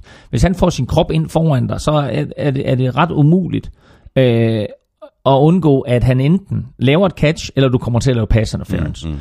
Så han er et, et uh, uvurderligt våben for Patriots, og efter kampen her mod Bills, uh, der stod det klart, at Patriots for 8. år i træk vinder 12 eller flere kampe. Det er første gang nogensinde i NFL-historien, at det er sket, at et hold vinder 12 kampe eller flere i træk, 8 år, eller 8 år i træk. Og øh, Gronkowski bliver spurgt til det her, og så siger han så, nej, det er jo lidt sjovt, fordi øh, det er de 8 år, jeg har været her. Ja, det passer meget godt. Ja, ja. Og så griner han lidt af det, og så havde alle journalister fået den kommentar, de øh, havde brug for, du ved, og så blev der grinet lidt af det. Jeg tror, at Gronkowski blev kaldt ind til Bill Belichick om mandagen og fik lov til at tage øh, 8 gange 12 armbøjninger, fordi øh, det der, det siger man altså ikke ustraffet. Husk lige på, de har Jets i weekenden. Så vidt jeg ved, så spiller vi mod Jets i weekenden. ja, ikke armene for højt op. Du snakker ikke om dig selv, Nej. og du snakker ikke om andre hold, end dem, du skal spille mod i weekenden. Nej, præcis. Der er faktisk et spørgsmål til uh, Gronkowski fra Lasseby Grenvald. Han skriver, at nu har jeg et par uger ikke kunne fjerne øjnene fra Gronkowskis massive indpakning af vist nok højre arm. Jeg er med på, at det nok handler om at uh, forhindre skader, men er der regler for, hvor meget spillerne må beskytte sig ud over standardudstyr og hjelm? Jeg mener, sådan en uh, Gronk-robotarm kan jo hurtigt blive en fordel, kunne jeg forestille mig. Det er der faktisk ikke. Altså, vi har set spillere øh, spille med, med, med gips, øh, brækket arm, så længe den er pakket ind, og så længe man ikke øh, føler, at øh, mener, at, mod, at, at man kan bruge det som et våben, så må du sådan set spille med, med lige nøjagtigt, hvad du har behov for. Så må der selvfølgelig, selvfølgelig ikke være nogen skarpe kanter eller noget nej, i den retning. Nej. Men øh, ellers så er der nærmest ingen regler for, hvad, hvad du må benytte. Sidste spiller, jeg lige vil øh, nævne, Dion Lewis. Ja, præcis. Øh, altså, god dag på kontoret, ikke? 24 løb for 129 yards og touchdown, plus 5 grebne bolde for 24 yards og touchdown. Og det var så også en af grunden til, hvorfor vi, eller det var lige præcis grunden til, at vi nominerede ham til ugens spiller. Vi nominerede ham til ugens spiller, og han blev valgt til ugens spiller, ugens angrebsspiller i AFC. Øh, og det er ret usædvanligt for en, for en running back for Patriots mm. at gøre det, fordi øh, de som regel bare øh, har en to-tre stykker, de vælger mellem, du ved, sådan fra uge til uge.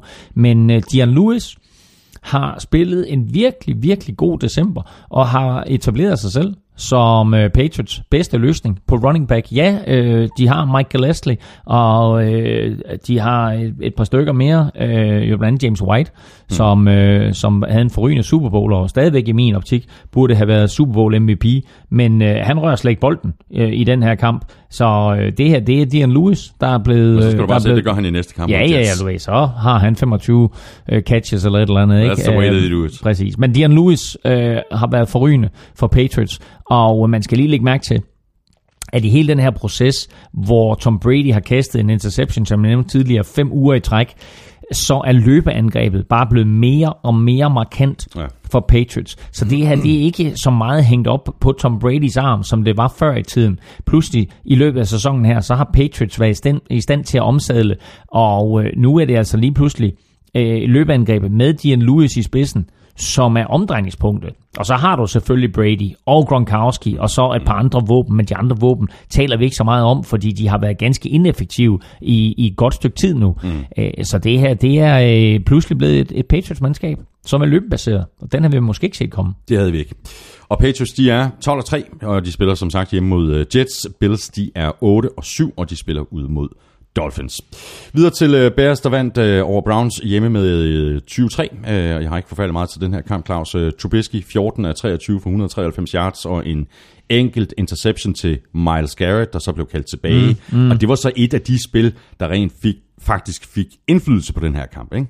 Det var det, fordi det var en interception af Miles Garrett. Det var sjovt nok, det var draftens nummer et, Miles Garrett, der greb en interception fra draftens nummer to, Mitchell Trubisky, og returnerede den hele vejen til touchdown og øh, det kunne have ændret øh, den her kamp markant, men den bliver så kaldt tilbage mm. på øh, for offside på, øh, på en af øh, Miles Garretts holdkammerater.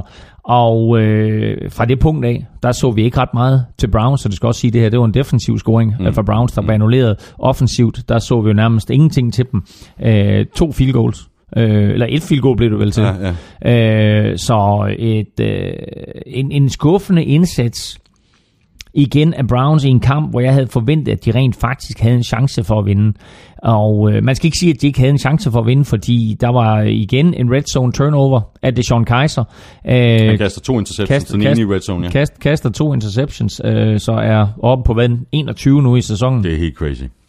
Øh, stadigvæk ikke i nærheden af Peyton Mannings rekord for øh, flest interceptions som en rookie. Jeg tror, den ligger på 29 eller noget i den retning. Så, øh, så der er et stykke vej op endnu.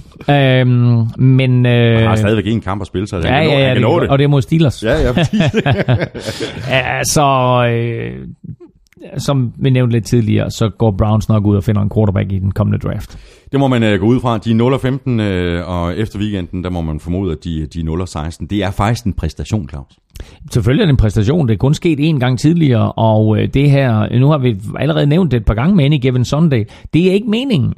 Det er ikke meningen, at et hold skal kunne gå øh, 0-16. Det er ikke NFL's hensigt. NFL's hensigt er, at, at alle, alle hold skal være jævnbyrdige, alle kampe skal være jævnbyrdige. Det er heller ikke meningen, at et hold skal kunne vinde 12 kampe 8 år i træk. Mm.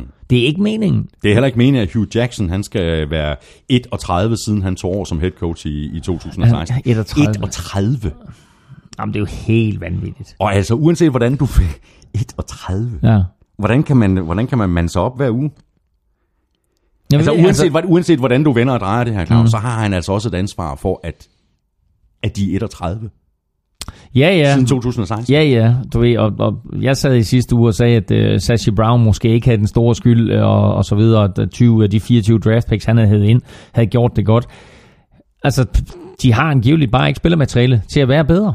Øh, og øh, lige så optimistiske som vi var om, om øh, omkring Josh Gordon og, og hans øh, tilbagekomst til, til NFL, så griber han øh, to bolde for, for 19 yards, ikke? Altså, så øh, øh, øh, talentmæssigt er de, er de bare ikke der, hvor andre mandskaber er. Og øh, når de så endelig kommer i, inden for scoringsafstanden, jamen altså, så laver de en eller anden form for turnover øh, ofte med øh, Sean Kaiser de så mange sidste fejl. hånd. Så ja. det er bare, ja, det, det, det, hvad kan jeg sige? Ikke? Altså, de har Steelers i sidste uge, og man kan sige, Steelers har i princippet ikke noget at spille for, fordi øh, vinder Patriots, så er de etter, og vinder Steelers, øh, eller ja, taber Steelers, eller vinder Steelers, så er det lidt lige meget, hvis Patriots vinder. Øh, så spørgsmålet er, om de får en sidste chance Browns for at vinde kamp. Om Steelers lad være med at spille Big Ben, og om Steelers tager øh, en Bell ud, og hvad der kommer til at ske. Øh, men det er den sidste mulighed, de har for at ja, redde en lille bit smule ja, ansigt. Fordi går du 1 15, så er du gået 1 15. Og ja, fint nok, du går 1 15 to år i træk. Det er der aldrig nogen, der har præsteret Men 0 16. Men 0 16, så er du historisk. Det er du lige præcis. Browns, altså 0 15, de spiller ude mod Steelers. Bears, de er 5 10, og de skal til Minnesota og spille mod dine vikinger, Claus Elming. Sig. Panthers, de vandt hjemme med 22-19 over Buccaneers. Øh, det var lige til øllet. Øh, marginalerne var på Panthers side. De var bagud det meste af anden halvleg, før øh, Newton så skruede et comeback drive sammen til allersidst, og endda var lige ved at tabe det hele på gulvet, da han fumblede ud af shotgun, men fik så fat på bolden igen, og så scorede Cam så det afgørende touchdown ved at løbe bolden i endzone. Mm. Det var da også en kamp, der blev sådan lidt, noget mere spændende, end man lige havde, havde set på forhånd, ikke? Det må man sige, og øh, Buccaneers var ufattelig tæt på at smide grus i maskineriet øh, hos Panthers, fordi Panthers sikrer sig en slutspilsplads med den her sejr. Øh, det har de ikke gjort uden, og øh, så har vi altså haft en situation, at Falcons og Panthers reelt set spillede om en slutspilsplads i weekenden. Øh, nu mødes de, og den er vigtig øh, for Falcons selvfølgelig, fordi de med en sejr kan spille sig i slutspillet. Den er vigtig for Panthers, fordi de med en sejr i teorien kan blive anden seed øh, i NFC, og øh, med en sejr også kan vinde øh, NFC South. Øh, undskyld, det passer selvfølgelig ikke, fordi den har, den har Saints vil tage sig af. Ja, Saints har taget sig af den, fordi de selvfølgelig... Øh, det, hvorfor er det Nej, det? har de ikke. Panthers, de kan godt Præcis. vinde NFC South, men sejr Præcis. ud over Falcons, hvis, hvis Saints, Saints samtidig taber. Tak. taber til box. Præcis, tak for det. Ja, det er klart. Og Saints, ja, undskyld, ja, Saints og, og Rams kan selvfølgelig ende 3 og 4 henholdsvis. Ja, godt, tak for det. Så er der styr på det. Så er der styr Fint.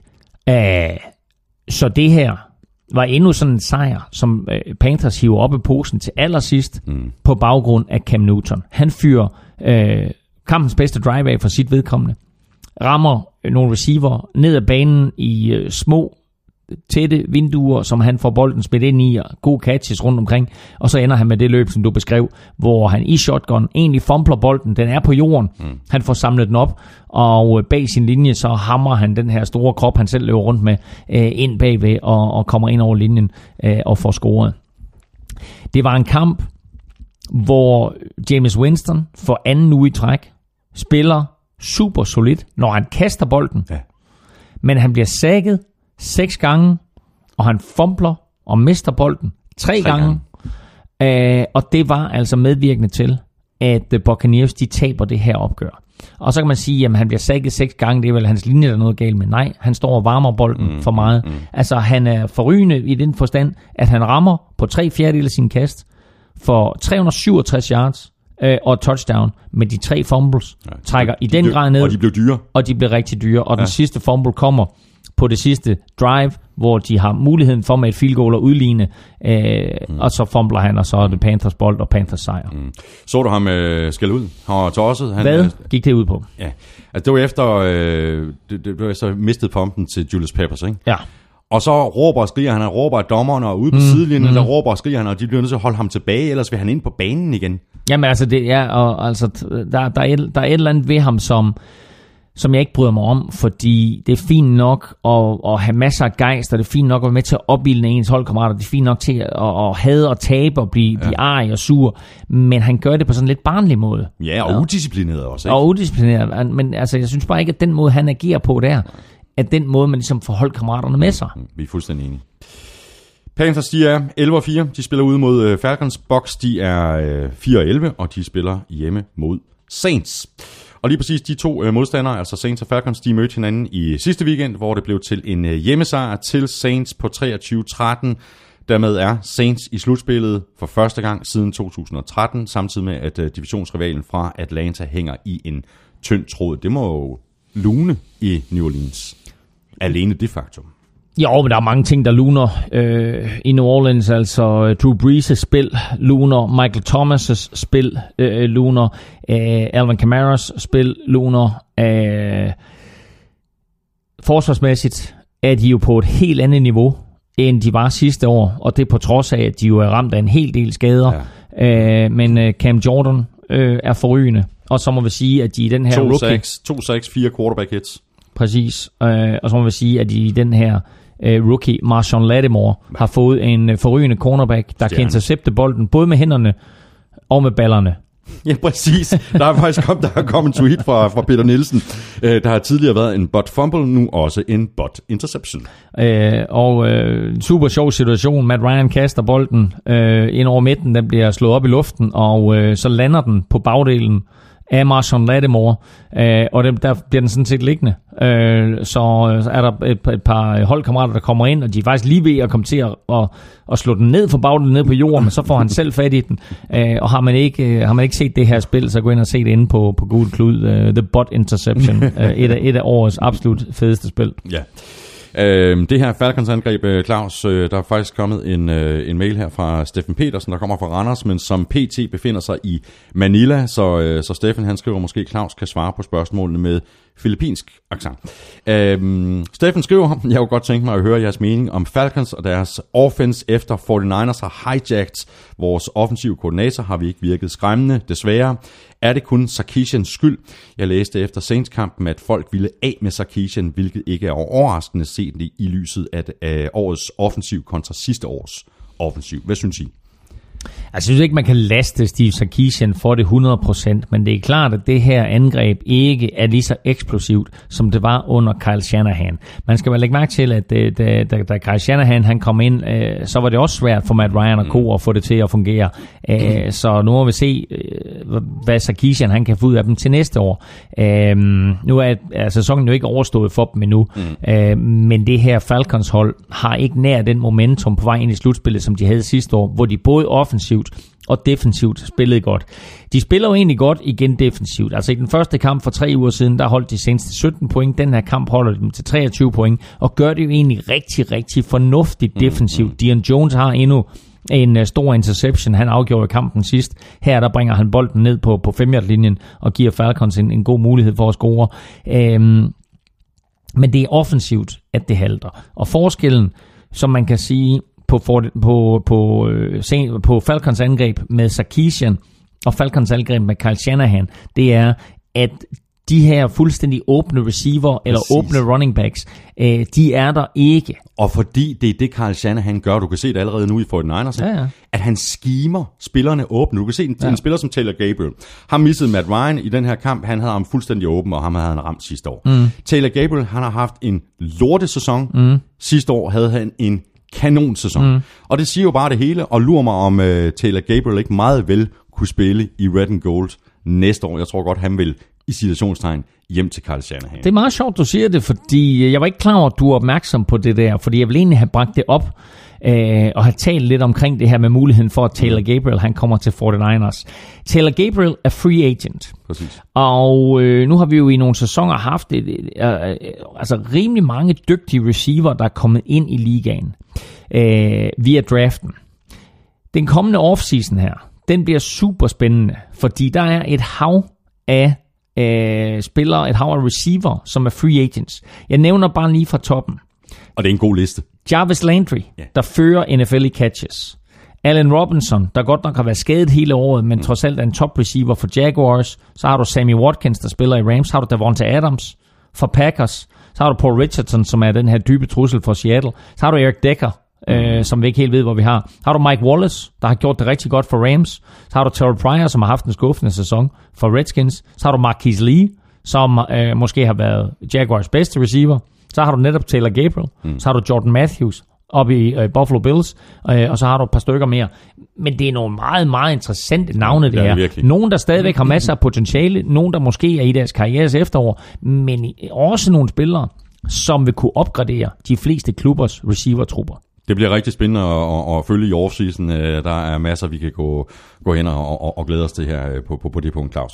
Saints, de er øh, 11 og 4. De spiller ude mod øh, Buccaneers. Falcons, de er 9 og 6, og de spiller hjemme mod Panthers. Øh, har, har du Øh... Ja, bare lige sige sidste ting, og det er, at i de sidste to spiluger, der har øh, Falcons og Devonta Freeman været ramt lidt af sådan lidt fumbleitis. Ja. Uh, han fumblede to gange i, i, i den her kamp, hvor han i sidste uge fik fat i begge, eller Falcons fik fat i begge hans fumbles, så mister de altså begge de her ja, to det fumbles. Ja, var, var på, på goal line i anden halvleg? Det var den nemlig, ja. så altså det er, øh, det er, det er ganske uheldigt. Uh, for Devonta Freeman og for Falcons, at han lige pludselig har fået det her problem. Så det er noget, der skal rettes op på til den kommende weekend, og noget, der skal rettes op på til slutspillet, hvis de når så langt.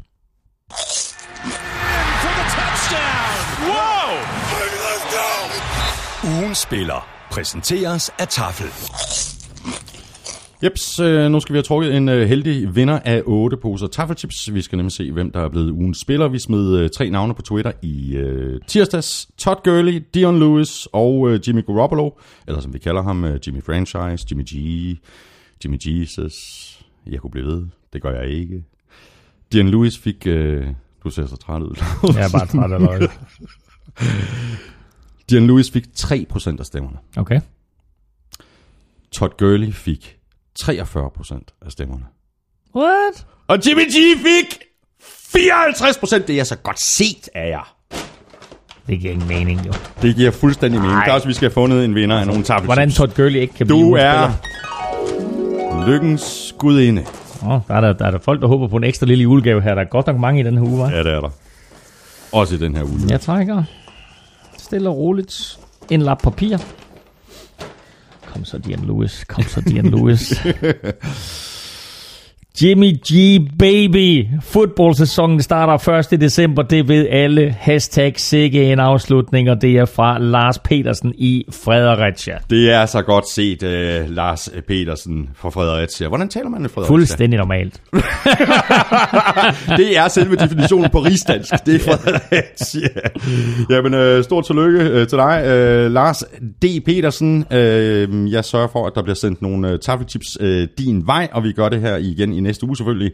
Tjek øh, uh, NFL-showet på Twitter allerede mandag, hvor vi uh, nominerer tre spillere, og så stemmer du på din uh, favorit på mail ved at skrive dit bud i emnelinjen, og i selve mailen, der skriver du dit navn og adresse, og så er du altså med i lodtrækningen om otte poser chips fra Tafler. Grunden til, at vi gør det allerede mandag, er jo, fordi vi ikke har nogen Sunday night og ingen Monday night kampe længere. Klaus, så tager vi øh, fat i kampen igen. Øh, Redskins de vandt hjemme over Broncos med 27-11. Redskins de scorede 14 point i fjerde kvartal, og så var den øh, kamp lukket på trods af, at øh, det ikke var Kirk Cousins øh, bedste kamp i år. Men ikke desto mindre, så ville jeg, hvis jeg var Redskins, sørge for at få signet ham i en øh, vis fart til en øh, lang kontrakt, øh, fordi der er jo faktisk masser af potentiale i det her Redskins-mandskab.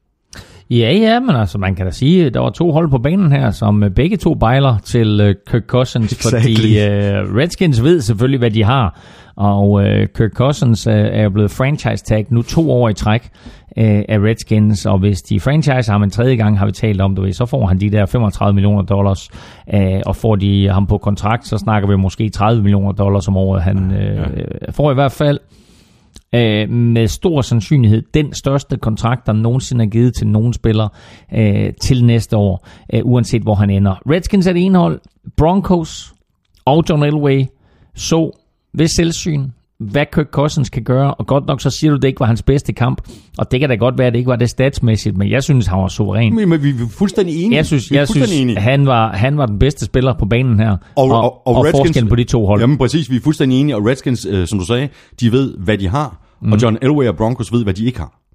Ja, de, de, de har nemlig ikke en quarterback. Nej, det har de nemlig Præcis. ikke. Fordi og, Brock Osweiler, han kom ligesom ned på jorden igen, ikke? Altså vi må sige, efter Brock Osweiler i forrige uge øh, var forrygende og, og lignede en NFL-quarterback og lavede nogle NFL-kast, så her, øh, der lignede han den Brock Osweiler, vi har været vant til at se. Ja. Øhm, og øh, havde nogle horrible kast, ikke kun de, de kast, som, som øh, øh, hvad skal jeg sige, øh, var incomplete, men også bare måden, de var incomplete på. Man bare tænker, altså, hvem kaster han efter? Og den der, ikke? Altså, en receiver kommer løbende i fuld firespring på tværs af banen, og bolden ender leveret en meter bag ved ham. Bare sådan lidt, altså, du gør det rimelig svært for din receiver at gribe bolden på den måde der, ikke? Altså, så, øh, Øh, de skiftede ud øh, løbende i løbet af sæsonen her, og det kommer de også til at gøre til den sidste kamp, fordi øh, godt nok så øh, fuldførte øh, Brock kampen, men øh, der har været så meget Brock fra både presse og fans, og sikkert også på de interne linjer, at nu får din held, Paxton Lynch, din store held, Paxton Lynch, han får chancen i den kommende weekend i afslutningskampen. Det giver da også fuldstændig mening at give ham uh, chancen. Så må de se, hvad de har i ham, men de skal nok ud og kigge på, på en anden løsning under alle omstændigheder. Så du klippet hvor Paxton Lynch han går rundt på siden og forsøger at op i Nej, sin... Brock Osweiler. Ja. Ikke, ikke Paxton Lynch. Nej, nej, nej. Ja, Brock Osweiler. Brock Osweiler. Ja, ja, ja, præcis. Ja, jeg så klippet. De ignorerede ham. De ignorerer ham fuldstændig. Der sidder, de er fuldstændig ligeglade. Der sidder, der sidder running backs og receiver og offensive linemen, og, og Paxton Lynch var jeg ved at kalde ham nu også. Brock Osweiler, han går, han råber, han prøver på opildnes. Kom nu, dreng, kom nu, dreng. Nu har stadigvæk en chance. Ja, sådan, og de er fuldstændig ligeglade. De sad med at tænke på den uh, juleand, de gik glip af, end at uh, de var ved at, at tabe en kamp her igen igen. Ja. Øh, har du mere til den her kamp? Fordi jeg har ikke, øh, som, sagde, som jeg sagde, jeg har ikke forfærdeligt meget til den nej, her. Nej, det har jeg ikke. Det eneste ting, jeg vil sige, det er, at, øh, at vi har talt om, at, at det har været angrebet, og det har været quarterbacken, der er haltet for Broncos. Men jeg synes ikke, at man øh, kan lade være med at undre sig en lille smule over, at det her forsvar, der var så skarpt for bare et par år tilbage, at, øh, at, at de er gået hen og blevet mm. øh, middelmodige. Øh, hvis vi ser sådan tilbage fra, fra da de vandt Super Bowl, så har de mistet DeMarcus Ware, de har mistet Malik Jackson, og de har mistet TJ Ward. Resten er næsten på plads, øh, og de er blevet markant dårligere. Om det så er fordi, at de uge efter uge ikke er i stand til at, at, at hive holdet op på det niveau, som de var for, for et par år siden, og, og hvor det ligesom var nærmest altså stod i stjernerne, at, at Peyton Manning skulle vinde den her sidste Super Bowl. Mm-hmm. Øh, eller de bare, du ved, da sæsonen ligesom, da de har tabt otte kampe i træk, og sæsonen var slut, om de så på en eller anden måde bare mentalt opgav, det ved jeg ikke. Men det her forsvar er ikke overhovedet der, hvor vi havde forestillet os, de skulle være i sæsonen. Langt fra. Øh, spørgsmålet er jo, det har jeg faktisk overhovedet ikke øh, kigget på og, og sammenlignet med sidste år, øh, i, i, i forhold til, hvor meget har Broncos forsvar været på banen i år. Mm. Om, det, om de simpelthen, du ved, i snit måske har været på banen 5 minutter mere i hver kamp, fordi det kan også godt blive udslagsgivende. Mm. Du bliver træt. Mm. Og, mm. Altså, det, det, jeg har heller ikke tjekket op på den stat. Jeg, jeg synes bare ikke, at de leverer. Jeg synes det gør ikke, de ikke. Der er ikke, altså, øh, Von Miller er altid sjov at se på, men selv han får jo ikke nær den samme pres på modstanders quarterback, som han plejer at gøre. Broncos, de er 5 og 10. De spiller hjemme mod Chiefs. Uh, Redskins, de er 7 og 8, og de skal til New York og spille mod Giants. Og så sikrede Rams sig for første gang i mange år en plads i slutspillet, og det gjorde de med en uh, smal sejr på 27-23 ude over Titans, øh, der jo også havde en, øh, en playoff-plads at spille for, og som ikke øh, lige havde tænkt sig at give, give op på forhånd. Men øh, Rams var det bedste hold, øh, og Gurley er crazy. Gurley spiller øh, endnu en øh, stor kamp, og øh, har jo en helt igennem vanvittig kamp. Han har øh, over 100 rushing yards og over 150 receiving yards. 118 og 158. Ja. Det er kun sket én gang tidligere i NFL's historie, at en spiller har haft over 100 yards rushing og 150 receiving yards. Kan du nævne den spiller? Det kan jeg ikke, nej. Hvis jeg siger... Øh, Ja. Antonio Gates, måske? ah, han, Nå, nej, nej, nej, nej, 100 nej. rushing yards jo. Kan du godt tage dig sammen? Ja, ja, ja. Ja. Hvem, hvad, hvad siger vi? Som også er, er god i kastespillet. Ja. Hvornår så du sidst en, øh, en spiller, der kunne begge dele? Er det nu, jeg skal sætte pausemusik på? Nej, det er Nej. Ikke, fordi du skal bare tænke tilbage Ja, til, det- til den sidste store running back, som Rams de havde. Jamen, jeg ved godt, det er Rams for fan, mand. Jeg har, jeg har den sorte klap, fuldstændig ligesom jeg havde den sorte klap sidste uge Okay. med OJ. Skal du have Marshall hjælp? Ah, ja, ja, ja, ja. Hvor det også, han den sidste, gjorde det? Marshall Falk var den sidste, der gjorde det. Så sidste gang vi så en running back øh, være, være, være så øh, dygtig til begge dele. Er det under Mike Martz, eller hvad? Er vi helt der? Og jeg har faktisk ikke lige, øh, jeg har faktisk ikke styr på årstallet. Øh, Det kunne godt være tilbage helt under Dick Vermeil. Øh, Okay, ja. Så, men altså, det var The Greatest Show on Turf med, med Marshall Falk i spidsen der. Og det år, han gjorde det, den sæson, der blev han faktisk NFL's MVP. Interessant. Ja. ja. Og øh, jeg læste et eller andet sted, at hvis man regner øh, statsen sammen for Todd Gurley, så er, har han et snit nu på 140 yards. Altså, for hele sæsonen. Ja. 140 yards for scrimmage. Jamen, det er også, øh, det er også helt vildt. Jeg, finder den lige her, fordi øh, tjekker lige, det må være, jeg må se, om jeg kan finde den her. Girly, girly, girly, girly. Øh, den var, den var, den var ikke der. Jo, den kommer her. Øhm, lad os se. 118 og 158. Øhm, Okay, jeg løg faktisk for det. Det skete to gange før. Øhm, den anden, det var, det var øh, O.J. Simpson. Øh, eller, eller undskyld, Herschel, Herschel Walker, ikke O.J. Okay, Okay, Simpson. Okay. Øhm, hvorfor har jeg ikke den her? Øhm, lad lige se her. Uh, the players with at least 2,000 scrimmage yards, 10 rushing touchdowns and more than 5 touchdown catches in a single season. Todd Gurley, Marshall Falk, 2001 må det være, hvor, øh, hvor han så blev MVP. Okay. Så den var den retning. Interessant. Øh, og i virkeligheden jo, øh, hvis vi sammenligner inden for divisionen sidste år, øh, David Johnson for Cardinals, hvor vi jo taler om, om han i virkeligheden var den bedste running back, fordi han netop også udgjorde en, en, en kæmpe trussel i, i, i kastespillet. Mm. Hvor er det sjovt, du bringer David Johnson op. Fordi Vi har jo fuldstændig glemt ham, ikke? fuldstændig glemt David Johnson, ikke? Og alle snakker om, jo, altså, hvor mange fantasy ligaer han ikke blevet valgt nummer et i, ikke? Altså, ja. nummer et valg stod vel mellem, mellem Le'Veon Bell og, og, øh, og, og David Johnson. Øhm, og øh, han bliver skadet, og folk har mere eller mindre fuldstændig glemt ham. Kommer tilbage til næste år for Cardinals, bliver ja. altså interessant at se, fordi Ja. han netop har begge de her to aspekter. Øh, og vi jo også gerne vil have set ham som, som øh, Offensive Player of the Year sidste år. Øh, men øh, nu har, nu har, øh, har Rams altså øh, fået den her spiller, og David Johnson ligger selvfølgelig i samme division, og Fort Niners har fået Jimmy Garoppolo. Øh, det bliver bare en sjov, interessant Ja, division at følge, ikke? Og ja. Seahawks, der måske er i, i frit fald, så nu må vi se. Det bliver, det bliver rigtig spændende at følge. Øh, og så bliver det også spændende at følge øh, Titans i den her kamp. Nu har de så tabt øh, deres øh, to øh, seneste, i øvrigt til, til to øh, mandskaber fra, fra NFC, øh, NFC Vest. Der skal, der skal ske et eller andet i Titans, øh, også til næste år, fordi det her må vel sige sig at være skuffende. Altså, vi, har, vi, har, vi har hypet Titans i, i flere år nu som et hold, og nu, nu kan de blive rigtig interessant at se på. Jamen, det er vel fordi, vi har troet, at øh, Marcus Mariota øh, kunne tage dem op på det næste niveau, øh, og det har han bare ikke været i stand til. Øh, han, øh, altså det kan godt være, at Deshaun Kaiser, han er ringen i red zone, men øh, det er Marcus Mariota og Titans altså også. Godt nok så begår Marcus Mariota øh, nærmest ingen turnovers i red zone, men han får altså heller ikke scoret touchdowns. Nej, det. Og det, øh, det er en hemsko for dem, fordi havde de scoret touchdowns, øh, når de var i red zone, så havde de vundet flere kampe, og så havde de også vundet den her kamp i weekenden over Rams. Og han øh, endte med en passer rating på, på 67,8, og det øh, er ikke godt nok.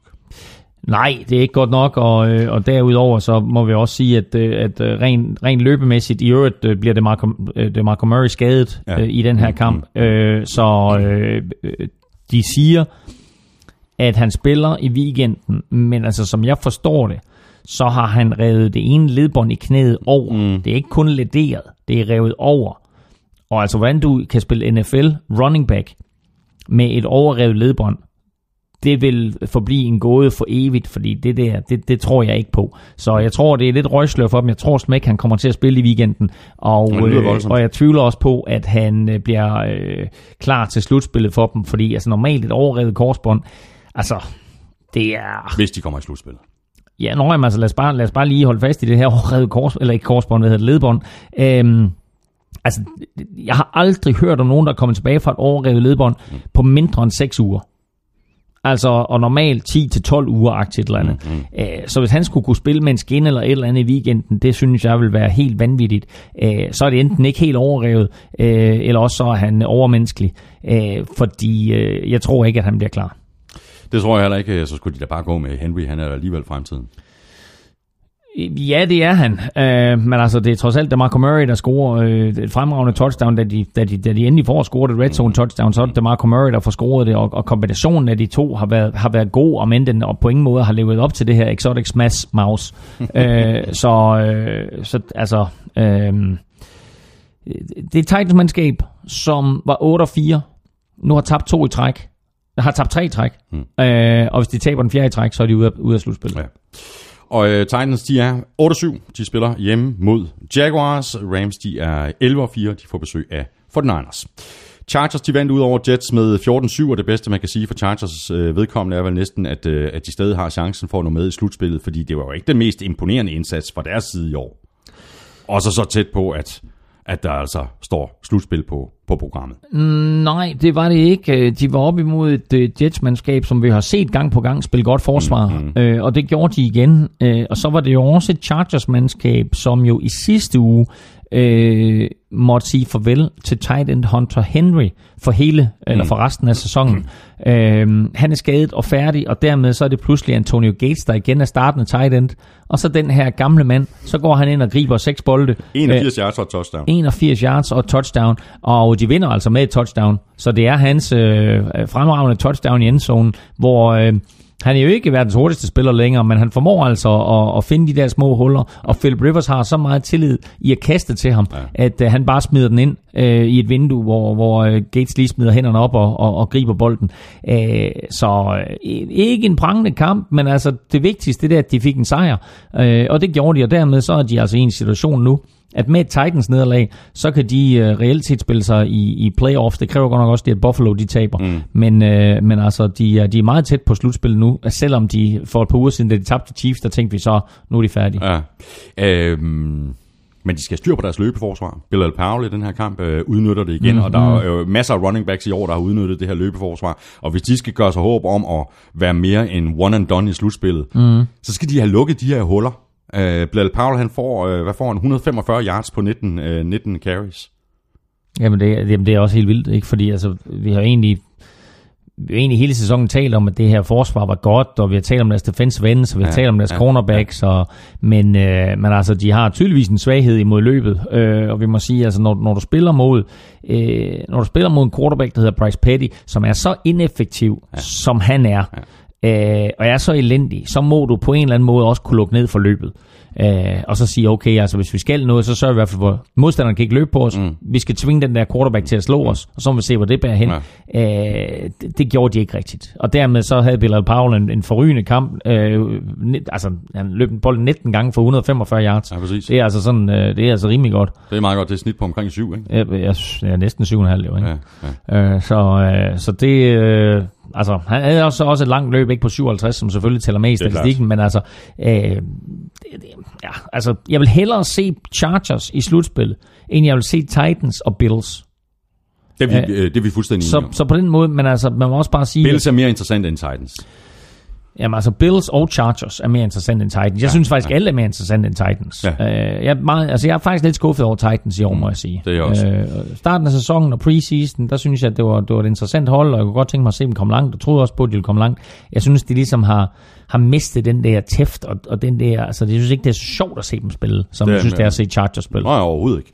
Øh, nu nævnte du lige uh, Bryce Petty. Uh, han er ikke fremtidens mand på quarterback, i hvert fald ikke uh, umiddelbart. Man mm. så faktisk på et tidspunkt, der så man, at uh, Christian Hackenberg stod på sidelinjen og, og kastede og, og stod og kastede bold, ikke? Øh, fordi at Bryce Petty havde, havde slået sin, øh, sin kasterhånd. Jeg tror, han havde, havde slået den ind mod en, en, øh, en hjelm. Men han kom altså ikke ind, og øh, Todd Bowles har sagt, at de også går med, med Petty i, i U17.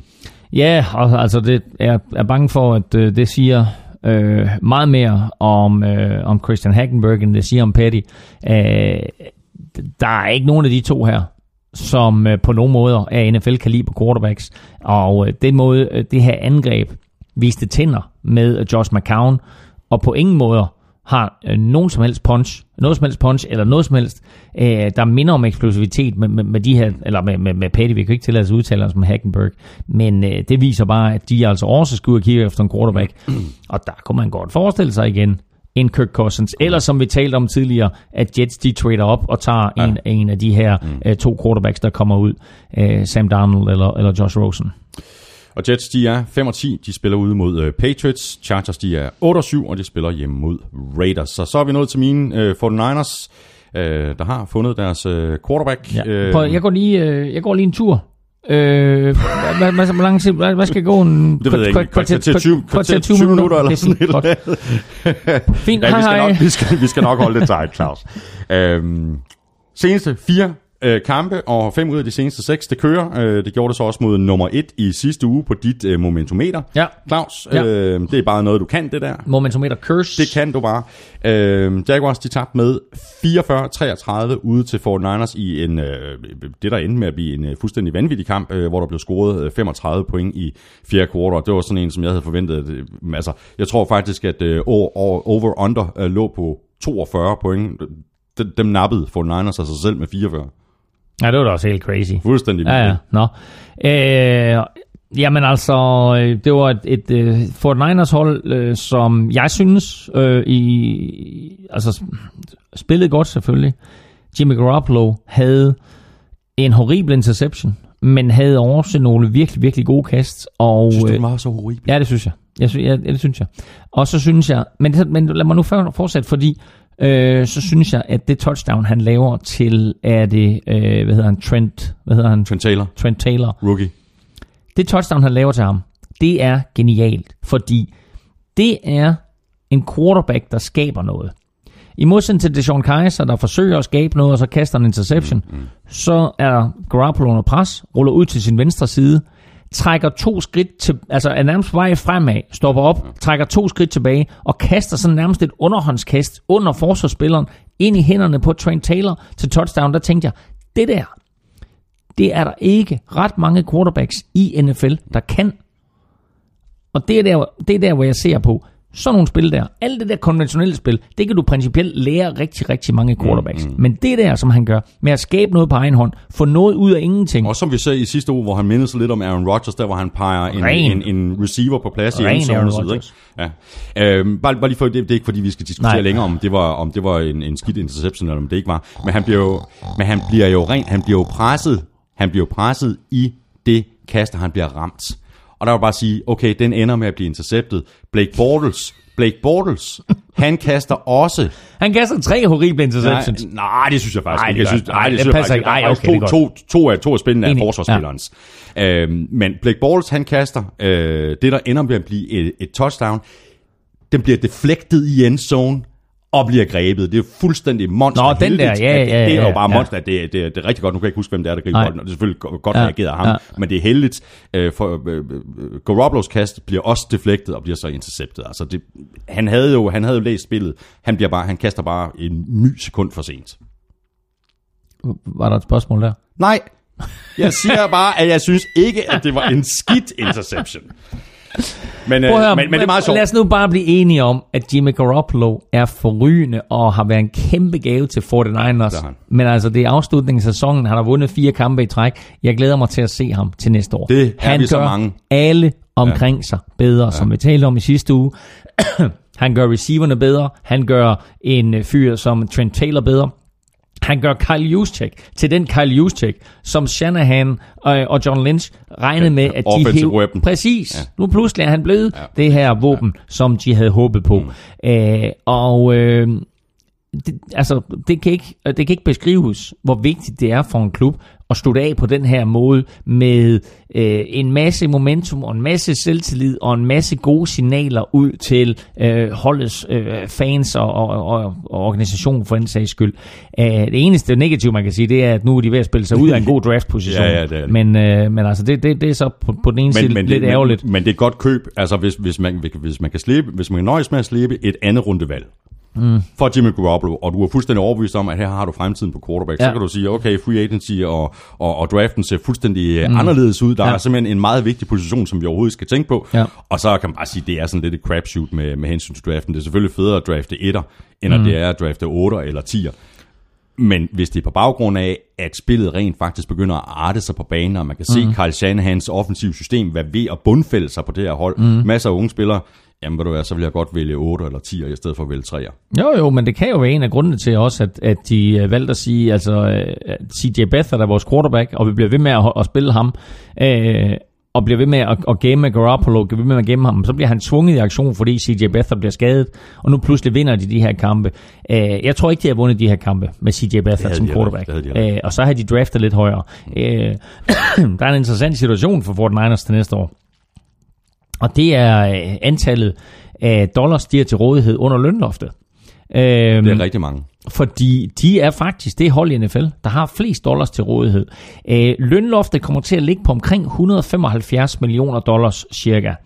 Og øh, på en eller anden måde, så har 49ers bare et hav af unge spillere, folk de enten selv har draftet, som er på lave kontrakter, eller free agents, de har hævet ind, som øh, efter, det, efter den her sæson øh, ikke længere er free agents, øh, eller er free agents, og dermed så bliver skibet videre. Mm. Så de skal selvfølgelig have fyldt alle de her pladser op.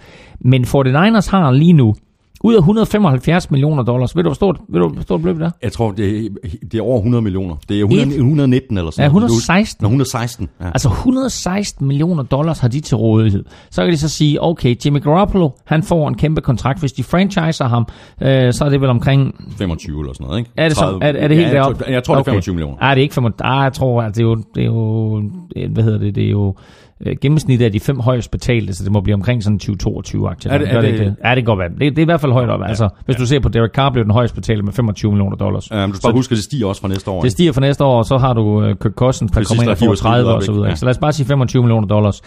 Trækker du dem ud, ikke? så har du altså stadigvæk omkring 95 millioner dollars til at, at fylde rundt på alle mulige andre mm, positioner. Øh, de rookies, du får ind, de tæller ikke ret meget imod lønloftet. Øh, så du har muligheden her for at gå ud og hive nogle øh, virkelig, virkelig interessante free agents ind, blandt andet Taylor Gabriel, øh, som vi talte om, med flere. Mm. Øh, vi kan lige løbe listen igennem her, øh, fordi den er ganske interessant, hvis man sådan ser på, hvem har mulighed for at hente free agents. Fordi når vi taler om det her med, hvor meget cap space, altså hvor meget lønloft har du tilbage, så er det typisk til at sørge for, at de dygtige spillere, du selv har, at du får givet dem en ordentlig kontrakt, og at du er i stand til at hæve free agents ind. Rookies og så videre, de tæller ikke alt for meget imod de her, det her lønloft. Så Fort Niners 116 millioner først. Browns har altså 111 millioner. Så har Colts 84 millioner, dem har de i den grad brug for. Mm. Jets har 76 millioner. Bucks har 64 millioner, og så synes jeg, det er interessant, at Vikings rent faktisk har 58 millioner dollars og er nummer 6. De har et virkelig, mig, de har et virkelig, virkelig godt mandskab, ja. Vikings, og de har altså masser af dollars til både at sørge for, at de får Case Keenum mm. øh, på kontrakt, og at de kan hive nogle free agents ind. Texans 54, Redskins 54, Titans 52 og Lions 48. Mm. Det er sådan lige top 10. Og det, er en ting er selvfølgelig, hvor mange penge du har til rådighed. Noget, noget andet er, øh, hvor- hvordan er stemningen omkring en klub? Øh, kan, kan folk se perspektiv i? Altså hvis du ser for eksempel øh, øh, stjernespillere, der skal finde et andet sted, måske er de mm. deres... Øh, øh, deres karrieres efterår, hvor vil de så gerne hen, så vil de selvfølgelig øh, hellere tage til et, øh, en, en klub, hvor øh, der er en chance for, Nå, men det, det kunne måske godt blive interessant i løbet af et år eller to, så har vi måske i virkeligheden chancen mm. for, for at vinde Super Bowl. Det er derfor, at Patriots altid har forholdsvis nemt ved at tiltrække spillere. Øh, Vikings får selvfølgelig endnu nemmere ved at tiltrække spillere nu, men altså også et, et mandskab med, med Carl 5, 5 og 10 mandskab, hvor der er så meget positiv boss, Jamen, uh, Taylor Gabriel mm. vil gerne spille for 49ers. Det er der fuldstændig overbevist om. Jeg, altså, jeg er også overbevist om, at, at Taylor Gabriel gerne vil spille for 49ers, og der skal ske... Jeg, jeg tror, der skal ske et eller andet helt drastisk, hvis han ikke ryger til Fort Niners, fordi han vil gerne ud og spille for Kyle Shanahan, så der skal komme et eller andet hold og tilbyde ja. ham en vanvittig kontrakt, men det kommer ikke til at ske, fordi så god er Taylor Gabriel ikke. Nej. Han passer bare suverænt passer ind, ind i, i Kyle Shanahans system. Ja, præcis. Der er øhm, et, øh, et spørgsmål på, på Twitter, øh, direkte stilet til mig fra Andreas Svane. Han skriver, bliver du på noget tidspunkt nervøs for, om det er dårlig timing? Nu har alle de andre hold øh, bare så meget mere tape på Jimmy og holdet med ham, at de er bedre forberedt, og at det måske kan give øh, bagslag i næste sæson. Øh, nej, øh, det er jeg faktisk ikke så nervøs for. Det er klart, at der kommer mere og, og, og mere info omkring øh, Jimmy Garoppolo, øh, men Jimmy Garoppolo øh, kommer også til at lære en større og større del af det her øh, Carl Shanahan-angreb. Så i takt med, at han bliver bedre, jamen så bliver modstanderne også øh, bedre forberedt på ham. Så det, altså det her det er den bedst tænkelige øh, situation, at han kom i spil allerede i den her sæson, fordi der har han faktisk taget lige præcis den læringsproces, som Matt Ryan gjorde i Atlanta med Kyle Shanahan, da han var der øh, som offensiv koordinator i, i, i, i den første sæson. Og som du også har pointeret, så har han gjort det meget, meget hurtigt. Han kommer altså til klubben 31. oktober, så øh, det faktum, at han nu allerede her i december øh, er i stand til, øh, de har selvfølgelig ikke givet ham 100% af playbooken, jeg har ingen anelse om, hvor stor en procentdel, men måske, hvad ved jeg, 30-40%. Øh, at, at, at han er i stand til at køre det her angreb på den måde, som han gør nu, øh, det vidner også om et stort fodboldintellekt ja. øh, og en øh, god evne til at sætte sig ind i det her, for han kommer altså fra et helt andet system i Patriots og kommer ind nu her øh, og er, er jo lige nu Jimmy Jesus øh, i de her juletider. Mm. Øh, så øh, bliver igen meget, meget interessant at se, hvad han kan gøre til næste år, fordi det er fint nok, at han vinder de her kampe i år. Øh, sæsonen er lidt på held. Altså det vil sige, den, den eneste kamp, hvor det sådan, at, at der reelt set var noget på spil for modstanderholdet, det var altså Jaguars, ikke? Øh, eller så, og, og Titans. Og Titans, hvor North Ja, men de, det var jo for, det var jo for, for, det var ja, det er rigtigt. Ja, det er rigtigt. Altså, det, ja, det, det er du ret i. Ja. Altså man kan sige, øh, de slog ja, de Giants, om det var ja. bare Giants, om ja. så var det bare Bears, om så var det bare Texans, mm. Og så var det Titans, de havde en slutspidsplads ja. at, at, at spille for. Rigtigt. Dem slog de arms, ja. så Titans, de var heller ikke så gode. Jaguars mm. øh, ja. slår de, som også havde altså, øh, seedning ja. at spille for, ja. ikke? Ja. Jo, jo, men altså ikke bare seedning. Altså, de, her, de kunne blive første eller anden seed, og dermed så kunne de altså få en overside i første præcis, runde. Præcis. Og med det her øh, med det her nederlag, så står det klart nu, at Patriots og øh, Steelers bliver 1 og 2, mm. alt afhængig af resultatet i weekenden, men at Jaguars er sikker på at blive tredje seed, og så, øh, som vi nævnte, Chiefs er sikker på at blive fjerde seed.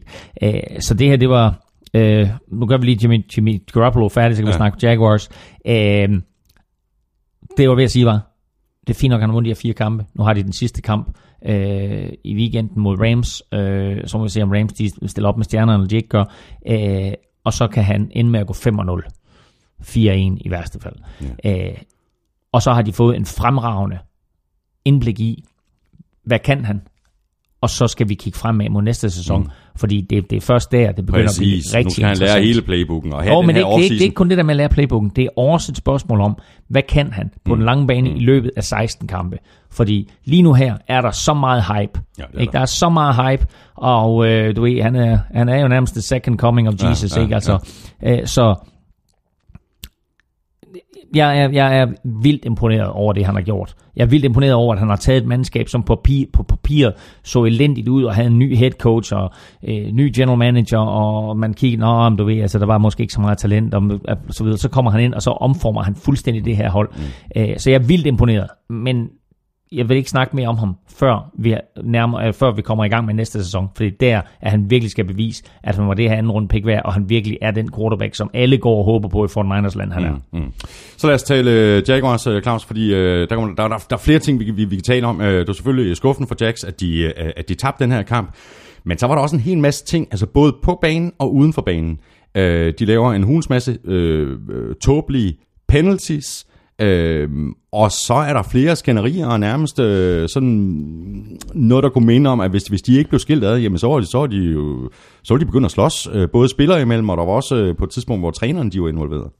Jamen altså, øh, Malik Jackson øh, havde spist et eller andet til, til morgenmad, der gav ham sur opstød, fordi øh, han, var, øh, han var i øh, infight med en holdkammerat på sidelinjen, og Aaron, han var i infight Aaron med Coleman, ja. Aaron Coleman, øh, hvad hedder det, cornerbacken der, ikke? Øh, og øh, var i infight med en træner, og øh, der var, der var, hvad hedder det, der var øh, skamøsler mellem øh, den levende øh, receiver-legende Keenan McCardle, som, som nu er receiver-coach, øh, hos Jaguars. Der var skamysler med ham og receiverne, og øh, der var tåbelige penalties øh, på banen, altså i nogle, øh, også i nogle ret markante situationer, ja, ja, ja. hvor de fik øh, 15 yards straffe.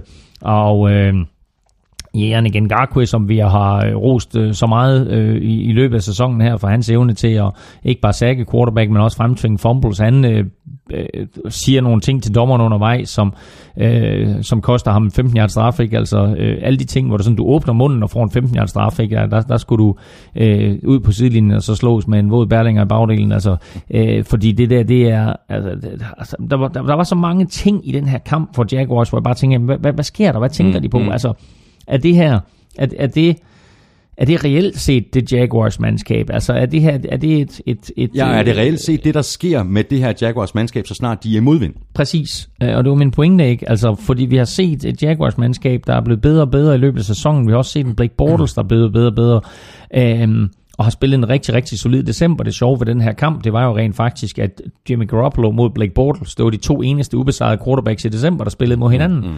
Og nu er Jimmy Garoppolo den eneste ubesejrede quarterback i december, hvilket er vildt nok, ikke? Mm. For lige at afslutte ham. Ja, ja. Øhm, men, øh, nu nævnte jeg tidligere, at James Winston var umoden. Jeg synes faktisk, at det her Jacksonville-mandskab viser sig som en lille bitte smule umoden. Fordi vi har hele tiden sagt, du ved, når Jalen Ramsey han har stillet sig op og sagt, men hey, det kan godt være, at, at tidligere tiders Jacksonville-hold har været elendige, mm, men det, mm. det, der er nye tider. Mm. Ikke? Det, er, det er et nyt Jacksonville-mandskab. Og det er fint nok, og det har vi, det har vi sagt, okay, jamen det her er en fyr med selvslid, og en fyr, du ved, som, som, øh, som viser, at, at, at nu, er, nu er der nye tider på vej, ikke kun i Jacksonville, men også i NFL. Men er det her, er det virkelig et udtryk for, at det er et meget umodent hold, som ikke har fattet, at hvis man skal vinde fodboldkampe, så drejer det sig om at spille som et hold og undgå de der latterlige straffe, og sørge for, at når man går ind til en kamp mod et Fort Niners mandskab, uanset hvad de har af momentum og quarterback, mm. så skal man bare køre dem midt over. Ja. Og det formåede de ikke. Og det hjælper selvfølgelig ikke, at Blake Bortles kaster tre interceptions. Øhm, men jeg synes og, ikke, og, at de, og de er bagud 16-0, inden de får set sig om. Ja, men jeg synes bare ikke, at det var Blake Bortles skyld. Det, jeg, synes, Jamen, jeg, er jeg, synes, jeg synes faktisk, han spillede en relativt øh, OK kamp, og det er ham, der er ved at bringe øh, Jaguars tilbage. Det er det nemlig. Ikke? Jo. Og, og de to af de interceptions, han kaster, det er, det er 49ers forsvarsspillers øh, fortjeneste, altså. Så jeg, jeg synes ikke, øh, at Blake Bortles, det, jeg, jeg synes tværtimod, at han, han virkede som en, en vinder i den her kamp, og en af de øh, Jaguars-spillere, som beholdt hovedet på. Øh, ja, det er svært, du ved, når en quarterback kaster tre interceptions, så vil man altid kigge på, på ham og give ham skylden ja, lidt, og det her, det var, du ved, det var sådan lidt, jeg vil ikke kalde det gamle Blake Bortles, fordi han trods alt, altså de beder ham om at kaste bolden 50 gange, mm. og, og da de kom bagud, der, som du siger, der er han faktisk ved at føre dem tilbage. Mm. Øhm, men øh, men det, det lykkes så ikke, og så ender det så med, øh, at, øh, at, at 49ers de, de, de lukker ballet øh, og, øh, og, og, og ender med at vinde en stor sejr på 44-33, men Jaguars var jo rent faktisk tæt på mm. at komme tilbage og, øh, og få, få, øh, få gjort, eller få sat lidt spænding i kampen. Ja, ja, men præcis. Jeg skal bare lukke den her kamp. Øh, Jaguars, de er 10 og 5. De møder uh, Titans på udebane. For Niners, de er 5 og 10, og de skal altså et uh, smut sydpå til uh, LA og spille mod Rams. Og så til en øh, kamp, hvor begge hold i øh, den grad havde noget at spille for, øh, hvis deres drømme om slutspil skulle holdes i live. Cowboys, de, Cowboys mod Seahawks, og den kamp den endte så med en sejr til Seahawks på 21-12. Cowboys mistede left tackle Tyron Smith, Des Bryant fumblede, Dan Bailey missede et par field goals, og Dak Prescott kastede et par interceptions. Og så er det sådan lidt op og bakke at vinde en øh, fodboldkamp, også selvom det er på hjemmebane. Og den ene af de interceptions var, apropos uh, brug af ordet horribel, så var den horribel. Uh, forsøgte at kaste den ud til Ezekiel Elliott, kaster hen over hovedet på ham, uh, lige ned i hænderne på en Seahawks-spiller, der returnerer den hele vejen til touchdown. Øh, så øh, det, var, det var en af de, de afgørende øh, situationer i den her kamp. Det ender med en 21-12 sejr til Seahawks. Det touchdown øh, var med til at give dem syv point, og så det faktum, at Dan Bailey han misser to field goals. Det gør han ellers aldrig. Øh, det var... Øh, ja, altså det var lidt ligesom Titans, ikke? Øh, som, som skulle ud at vinde, øh, og ikke formåede det. Det var lidt ligesom Lions, der skulle ud at vinde, og ikke formåede det. Ja. Det her Cowboys-mandskab havde jo alle muligheder for at vinde den her kamp, fordi de holder Seahawks til, er det 136 yards angreb. Det Altså, ja, det skal nok passe. 136 yards i samlet angreb til Seahawks. Sig lige, sig lige for dig igen. 136 yards. Det er ikke altså, meget. Altså, det, det er normalt, hvad uh, Russell Wilson han kaster for i fjerde kvartal. Mm. Uh, de har fuldstændig styr på det her Seahawks angreb. Uh, de formår så kun uh, selv at sætte uh, 12 point på tavlen. Og, uh, og dermed så ender den her Cowboys-sæson med et skuffende nederlag og en skuffelse i det hele taget. Uh, det her det blev aldrig det, de havde håbet på. Uh, Dak Prescott har i den her sæson uden eller med Ezekiel Elliott øh, levet op til det, øh, de største kritikere han havde, sagde på forhånd, at hans øh, rookie-sæson var øh, sådan, øh, hvad skal vi sige, ikke tilsvarende til, hvad hans Nej. reelle niveau er. Så øh, Og der kan vi virkelig tale om det der, apropos det der spørgsmål, hvor meget bånd man nu har, altså hvor meget tape man har på en quarterback, hvor meget man kan Ja. øh, gøre ved øh, et angreb over en quarterback, når man ved, hvordan de spiller. Og det er måske i virkeligheden det, der, der er tale om her. Nu ved øh, folk godt, hvad Dak han kan, og hvad han måske ikke er så god til. Præcis, og øh, jeg vil sige, at øh, de gik 3 og 3 Cowboys, mens Ezekiel Elliott han sad ud med karantæne. Øh, de er altså gået 4 og 5 uden ham. Mm. Øh, eller med ham, ikke? De går, eller hvad er det, 5 og 4? Altså, de er 5 og 4 med ham, ikke? Øh, og 3 og 3 uden ham. Så det er jo ikke fordi, der er vanvittig stor forskel på, om de har haft ham med eller ej. Så derfor så har det måske ikke afhængt så meget af, om han spillede. Det har mere været det niveau, som Dak Prescott har haft. Så må vi sige derudover, de kampe, hvor Sean Taylor ikke har været med, der har forsvaret været øh, til at tale med. Når han er med, så er det et helt andet Cowboys forsvar, vi har set. Ikke? Hvad sagde jeg? Sean, Sean Taylor. Taylor. Oh, det er en helt anden spiller, Sean Taylor. Ham Det kunne have været sjovt, jo. Det kunne have været sjovt. Det kunne have set sjovt ud. De kampe, hvor han har været med. Hvad, ja, på forsvaret. Okay, ære være hans minde. Sean Lee selvfølgelig. Uh, og så lige sige, det faktum, at Tyrod Smith han går ud i den her kamp, så så vi igen vigtigheden af, om han er på ja, banen eller ej. Ja. Fordi når de sætter Byron Bell ind, eller hvem den anden tackle er, der er pres på Dak Prescott Med hele tiden. Ja, ja, ja. Hvad skal vi sige til det her Seahawks øh?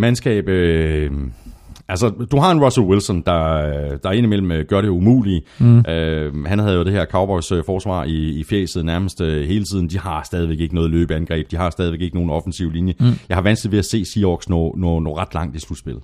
Det har jeg også, altså især til betragtning af, altså som jeg sagde, de 136 yards, det er jo helt crazy, øh, at- at de ikke når, at de ikke opnår mere end det.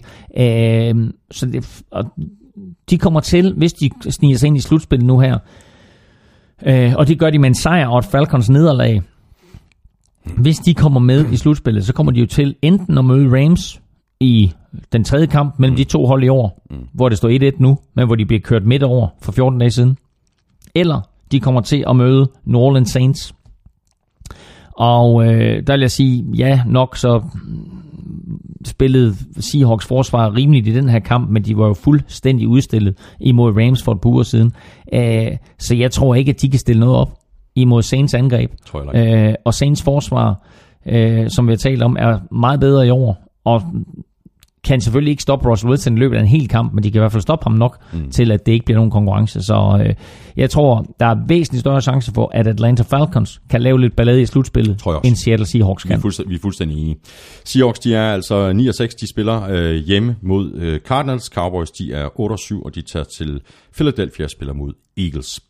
Og så har vi øh, Cardinals, der vandt øh, 23-0 over Giants. Øh, jeg har ikke noteret forfærdeligt mange ting øh, til den her kamp, udover at øh, Larry Fitzgerald er en fantastisk spiller, og at øh, Giants har haft en øh, fantastisk ringe sæson. Øh, og den her kamp ændrede ikke på nogen af de to ting. Nej, det gjorde den ikke. Og øh, som jeg skrev i mit momentometer den her uge, så er øh, det her første gang i Giants 92-årige historie, at de taber 13 kampe på en sæson. Au, au, au, au. Det er en af, af, af. Øh, og det øh, er en sæson, øh, hvor de øh, kom ind med store forhåbninger. De var regerende øh, NFC East-mestre, og øh, øh, eller det var de ikke. Jo. nej, de, de steg sig selvfølgelig i slutspillet øh, sidste år. Øh, men, øh, men, men gjorde det rigtig, rigtig solidt. Øh, så øh, det, var, det var et hold med et, øh, med et, et fabelagtigt forsvar, og øh, et angreb, som hævde nogle spillere ind inden sæsonen, og fik et par spillere i draften, hvor man tænkte, okay, det kan blive rigtig, rigtig godt. Men deres mangler på den offensive linje, deres mangler på running back, og så et forsvar, der faldt fra hinanden, Det var altså... Og masser af intern uro. Ja, det kommer vi til lige om lidt, men, men det, var op, det var opskriften på øh, et, et, et fuldstændig og totalt kollaps af det her øh, Giants-mandskab, og som du så siger, intern uro. Ja, nu må vi se. Øh, der kommer en ny øh, head coach, der kommer et nyt system, så det er, det er, det er forfra. Bunken den skal, skal vendes, så nu må vi se, hvordan det her Giants-mandskab kommer til at tage sig ud næste år. De har været ramt af masser af skader, ikke? så det bliver, det bliver spændende at se. Det gør det. Jeg vil bare, jeg bare lige sige, for jeg tror, du vil lige uh, rise op, hvad der var med det her interne uro. Uh, Eli Apple, så lang tid har vi ikke, fordi der har været Nej, masser. præcis. Okay, der er flere spillere, der, blevet, der har fået interne karantæner, altså ikke NFL-karantæner, men, men simpelthen karantæner af Giants selv. Og... Uh, i mandags efter nederlaget, øh, der går Landon Collins på en lokal radiostation, og så kalder han øh, Eli Apple for en cancer for holdet, og det er trods alt rimelig voldsomt og beskrive en holdkammerat på den måde, og øh, bliver så indkaldt til en samtale, øh, og der bliver øh, udsendt en eller anden form for officiel pressemeddelelse, hvor Landon Collins siger, at jeg er virkelig ked af de ting, jeg sagde om Eli Apple, og jeg støtter, Men det ikke, men det ikke, og jeg støtter selvfølgelig op med en holdkammerat, hvorefter Eli Apple han får karantæne af Giants. Så øh, altså ikke Landon Collins, men Eli Apple for mm. Giants, så han er ikke med i den sidste kamp her. Så øh, der er intern ballade øh, på det der Giants-mandskab, og det, jeg tror, det er godt nok, at de øh, skal på øh, vinterferie nu. Øh, og, og der kan komme en ny head coach ind, der kan starte helt forfra. Præcis. Der skal ske et eller andet der. Øh, der skal muligvis også ske noget på, på quarterback øh, for, for, for Cardinals. Øh, Drew Stanton, han fik chancen igen. Han spillede sådan set en OK kamp. Øh, completed 20 af 34 for 209 yards, to touchdowns og to interceptions. Øh, men igen, som jeg indledte med at sige, jamen, øh, den mest positive historie er holdets ældste spiller, Larry Fitzgerald, som i øvrigt også øh, kastede bolden. Han, han completed et 21-yard kast til Jaron Brown. Ja, ja. Ja, altså han er 100%. Han kan bare det der. Ja, ja. Larry Fitzgerald, han kan lidt af hvert. Og øh, han blev samtidig den ældste spiller i NFL's historie med 100 catches i sin sæson. han er 51 dage ældre nu, øh, end øh, Jerry Rice var, da han greb øh, 100 bolde i 2006. Og vi kan lige rise op her hurtigt. Han er Larry Fitzgerald, helt præcis, 34 år og 115 dage. Sådan, så er det på plads. Giants, de er 2 og 13, de møder øh, Redskins hjemme. Cardinals, de er 7 og 8, og de spiller ude mod Seahawks. Og så er vi nået til den øh, første af de to Monday Night kampe. Steelers, de udraderede Texans med 34-6 og sikrede sig så samtidig den her first round bye i, øh, i slutspillet. Endnu en god kamp af Roethlisberger, øh, og så en dag uden Antonio Brown, øh, til gengæld med, med, med store øh, præstationer, store spil fra både Martavis Bryant og, øh, og, og Juju Smith-Schuster. Ja, og øh, det er jo lidt interessant, fordi vi har haft det her op at vende med, med øh, Matthew Stafford, der blev bedre uden Megatron, og vi har set det med Blake Bortles, der blev bedre uden Allen Robinson, og øh, spørgsmålet var for et par uger siden fra en af vores lyttere, om, om Matt Ryan ville blive bedre uden Julio Jones, og nu ser vi Ben Roethlisberger fordele bolden bedre, end han har gjort hele året. Øh, vi har jo øh, set... Øh, ham gå efter Antonio Brown i nærmest alle situationer, hvor der var behov for yards. Øh, her der fordeler han altså bolden. Smith Schuster griber 6 bolde, Martavis, uh, Martavis Bryant griber 4, Vance McDonald, eller griber 3, Vance McDonald griber 4, eller Van Bell griber 5, uh, Eli Rogers griber 1, uh, uh, Hunter griber en enkelt. Så altså, uh, meget bedre fordeling ja, af boldene ja, fra ja. Ben Roethlisberger, og jeg synes i flere situationer, jamen, altså, der kiggede han og fandt den rigtige mand, i stedet for udelukkende at kigge efter Antonio Brown. Så man kan sige, det der sker nu her, det er, at Roethlisberger får noget selvtillid i at kaste til nogle af de andre drenge der, og de der drenge får noget selvtillid at løbe rundt på banen og vide, hey, jamen, bolden kan rent faktisk godt ja, komme min ja, vej, den går ja. ikke nødvendigvis til Antonio Brown, altså i hvert fald ikke i de her uger, hvor han ikke er her. Når han så kommer tilbage, jamen, så har man en eller anden form for ekstra aspekt, som man kan sige, nu indeholder det her hold, altså Antonio Brown plus alle de andre, ja. som vi ved, at Ben Roethlisberger også godt kan kaste til, og de ved, at bolden kan rent faktisk godt komme min vej. Lad os lige kigge på en enkelt forsvarsspiller, Mike Hilton. Synes du alligevel det? Ja, Mike ja. Hilton. Ja. Vi taler meget om, om det her Steelers angreb, som vel i virkeligheden, lad os bare sige, at Antonio Brown han ikke øh, kom tilbage til slutspillet. Mm. Det gør han. Ja, det gør han. Men lad os bare forestille os, at han ikke kom tilbage. Mm. De har stadigvæk et af de bedste angreb. I ja, det har de da. Er det ikke vildt? Jo, og det er det, fordi Ben Roethlisberger spillede så godt, som han gjorde. Ja. Øh, fordi jeg synes virkelig, han så god ud i den her kamp. Øhm, men forsvarsmæssigt skal vi selvfølgelig tale om Mike Hilton, fordi han laver 3-6. På lidt over en halv time. På lidt under en halv time.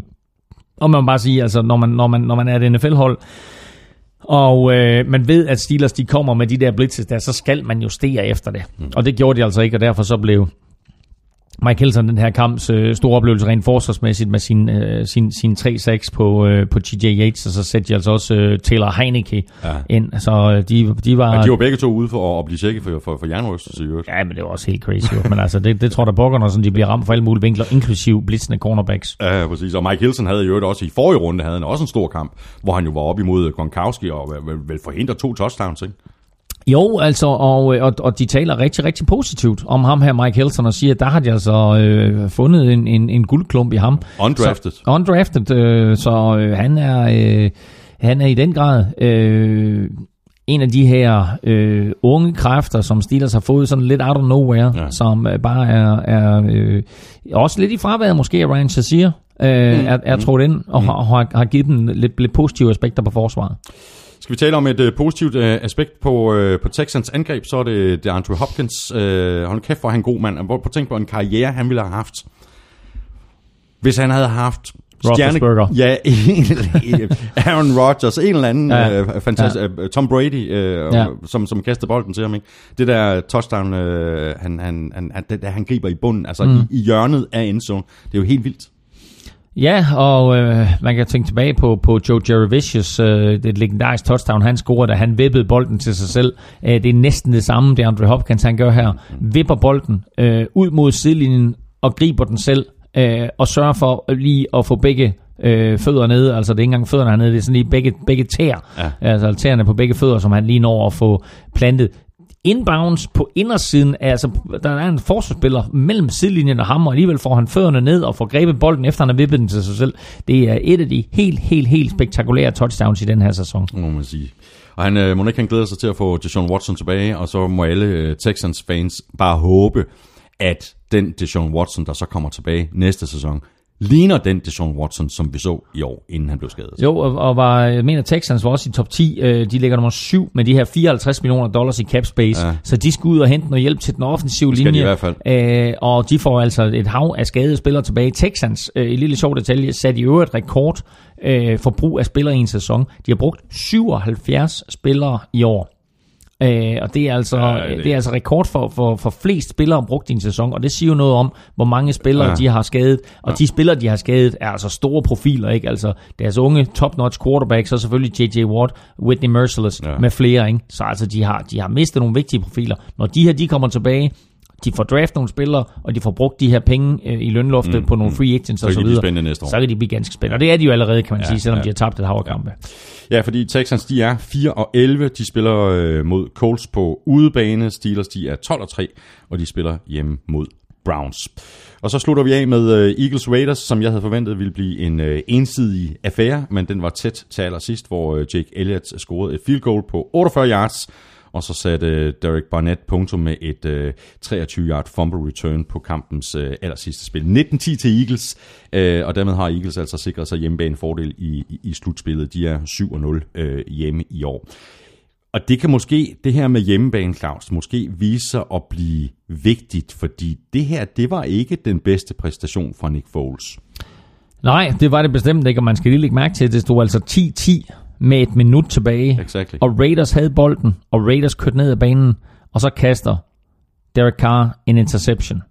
Og den interception gør, at Eagles får bolden.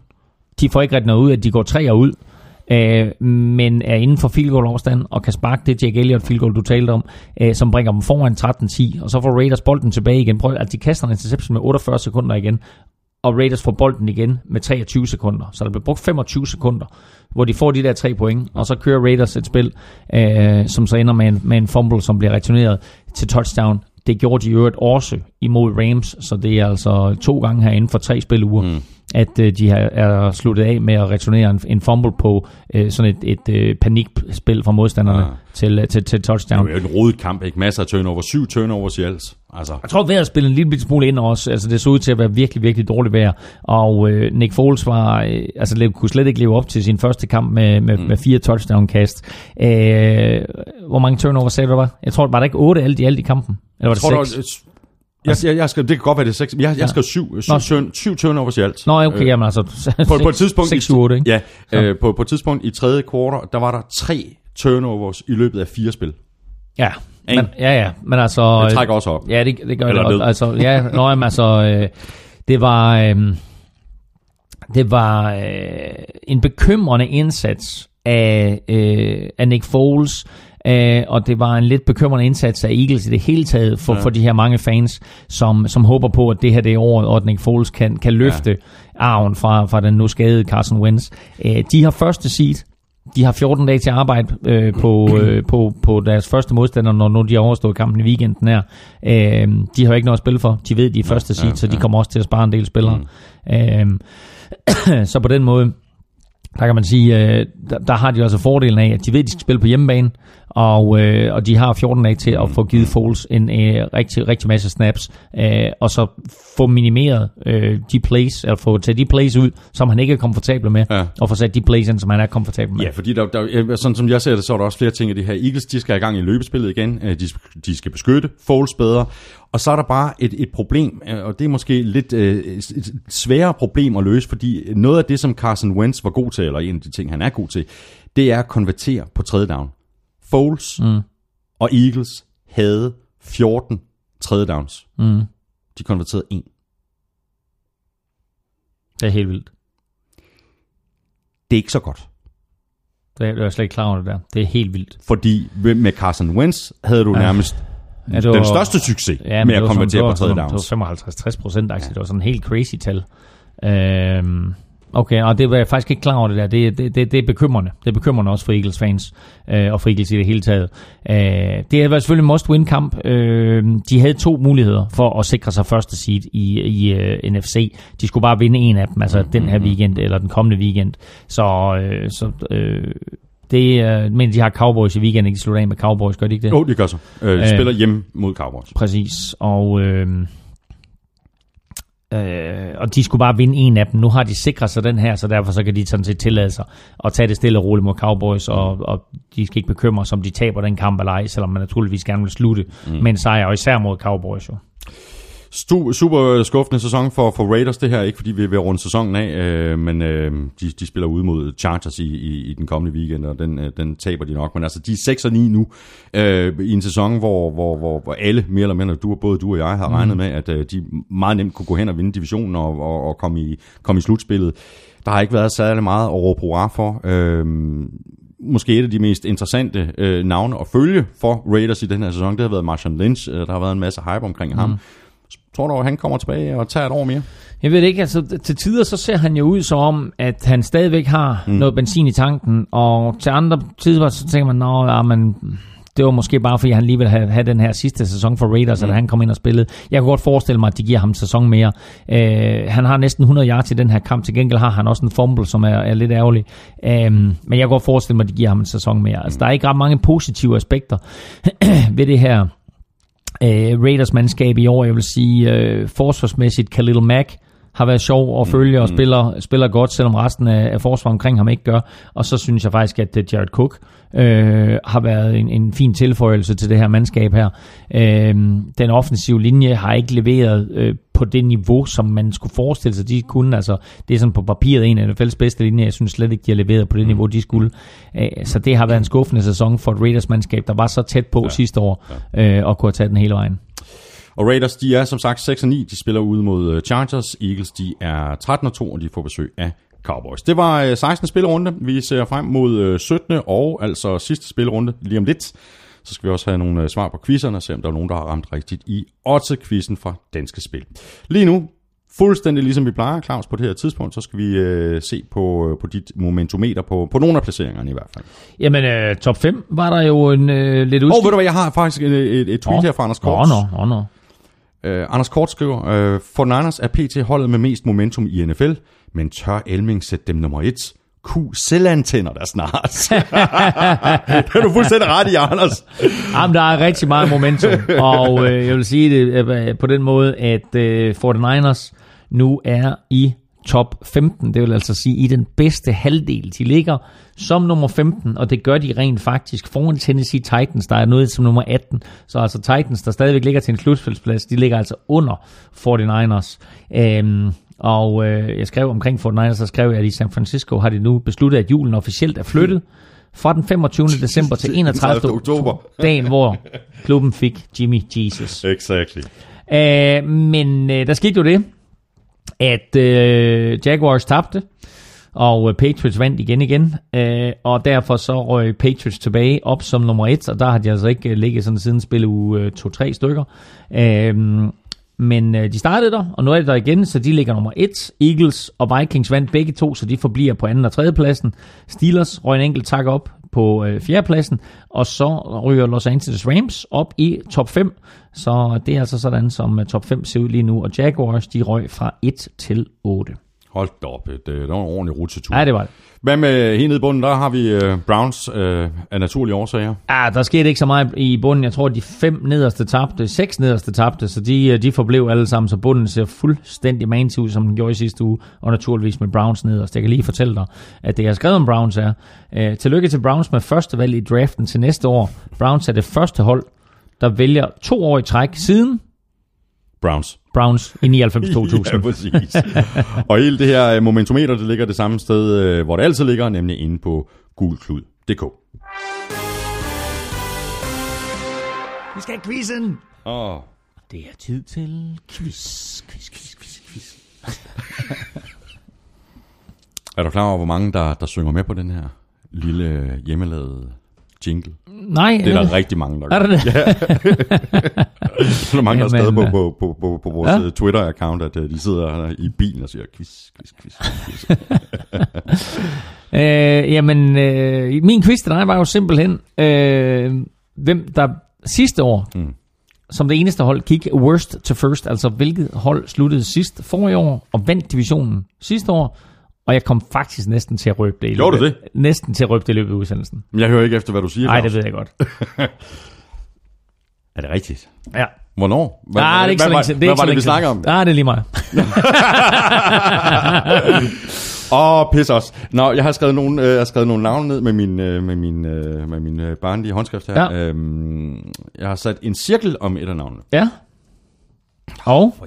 Raiders. Nej. Nej. Øhm, Falcons. Øh, heller ikke. Eagles. Nej. Pis. Altså, det er jo ikke til i år jo. Altså, det er jo sidste år. Vi er enige om, Ja, at jamen, de ja, skal ja. være sluttet sidst i deres division i 2015. Og så skal de have vundet divisionen sidste år. Ja, men jeg, jeg, jeg, så skal jeg også huske to år tilbage. og Jeg kan Nå, jo ikke ja, huske, nå. hvordan Raiders... Nej, nej, nej, nej. Altså, jeg, jeg, jeg kom næsten til at sige det før, fordi jeg sagde, Så sig det igen. jeg sagde at uh, Giants vandt divisionen sidste år. Så sagde nå nej, nej, det gjorde de faktisk ikke. Nå, okay. Var det? Så hvem vandt divisionen sidste år? Hvem vandt NFC East sidste år? Var det ikke Eagles? Nej, ikke sidste år. Eagles vandt i år. Var det Giants sidste år? Hold nu kæft. Nej, for Giants vandt jo ikke divisionen Hold kæft, mand, hvor du forvirrer mig. Hvem vandt NFC East sidste år? Ja, det er det, jeg spørger dig om. Ja, nej, jeg spørger dig.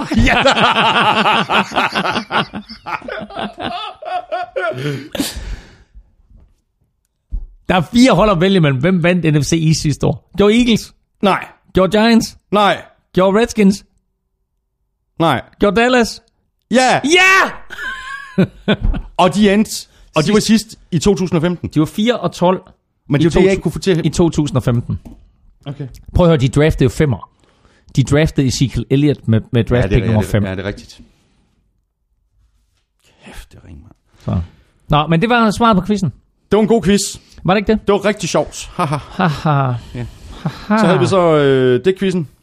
Hvem har i år den bedste fourth down conversion percentage? Jamen, jeg kan, altså, jeg ved, at jeg sad og så den kamp, hvor kommentatorerne sagde, mm. at de var noget med 14 ud af 14 på fjerde down, hvilket... Nej, ikke helt. Nå, hvad så? Det er så 100 procent, ikke? Ja, det er det. Ja, det er det ikke. Okay. Nå, Men det, jamen, men, det, men det er flot alligevel. ja, nå, men jeg siger, jeg siger Carolina Panthers. Nej. Nej. Oh, hvem var det? Hvem var det så? Øh, var det Raiders? Nej. Raiders! Jamen det var fordi, jeg, det for, jeg, jeg sidder bare og tænker på, hvad for nogle kampe jeg så. Og jeg så Raiders mod Eagles. Og jeg så Panthers mod Buccaneers. Og jeg så selvfølgelig Vikings. Mm. Øh, imod, hvem spillede de mod? De spillede mod et eller andet latterligt hold. Hvem var Jeg vil i hvert fald sige, at det er ikke Vikings, og det er heller ikke Li- Lions. De har begge to de, øh, kun konverteret en fjerde down Okay. conversion. Øh, Men du jamen, sagde, du sagde Panthers, måske skal du blive i divisionen? jamen, så Buccaneers, eller hvad? Nej, Nej, Falcons. Saints. Ja.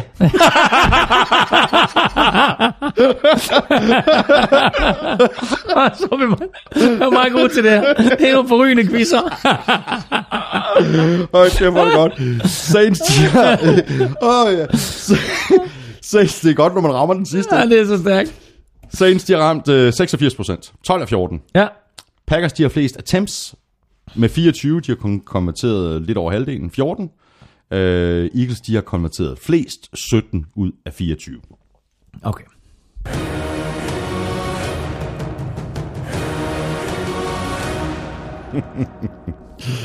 Så er vi nået frem til øh, Oddside-quizzen fra Danske Spil, øh, hvor du øh, hver eneste uge har chancen for at vinde sådan et øh, freebet på 200 kroner. Der var desværre ikke nogen, der ramte plet med udsagn 1, 2, 3 og 4. Men du får en øh, ny chance allerede i dag, hvor vi lægger en ny Odds-quiz op på NFL Shows Twitter-profil, og så har du indtil kl. 19 søndag aften til at svare på det tweet, hvor quizzen er vedhæftet. Skriv dine bud og afslut med hashtag Odds-quiz. Alle, der rammer rigtigt, vinder et freebet på 200 kroner til Otter på Danske Spil. Der er kun to krav. Du skal være 18 for at deltage, og så skal du, hvis altså du vinder, placere hele beløbet på et spil.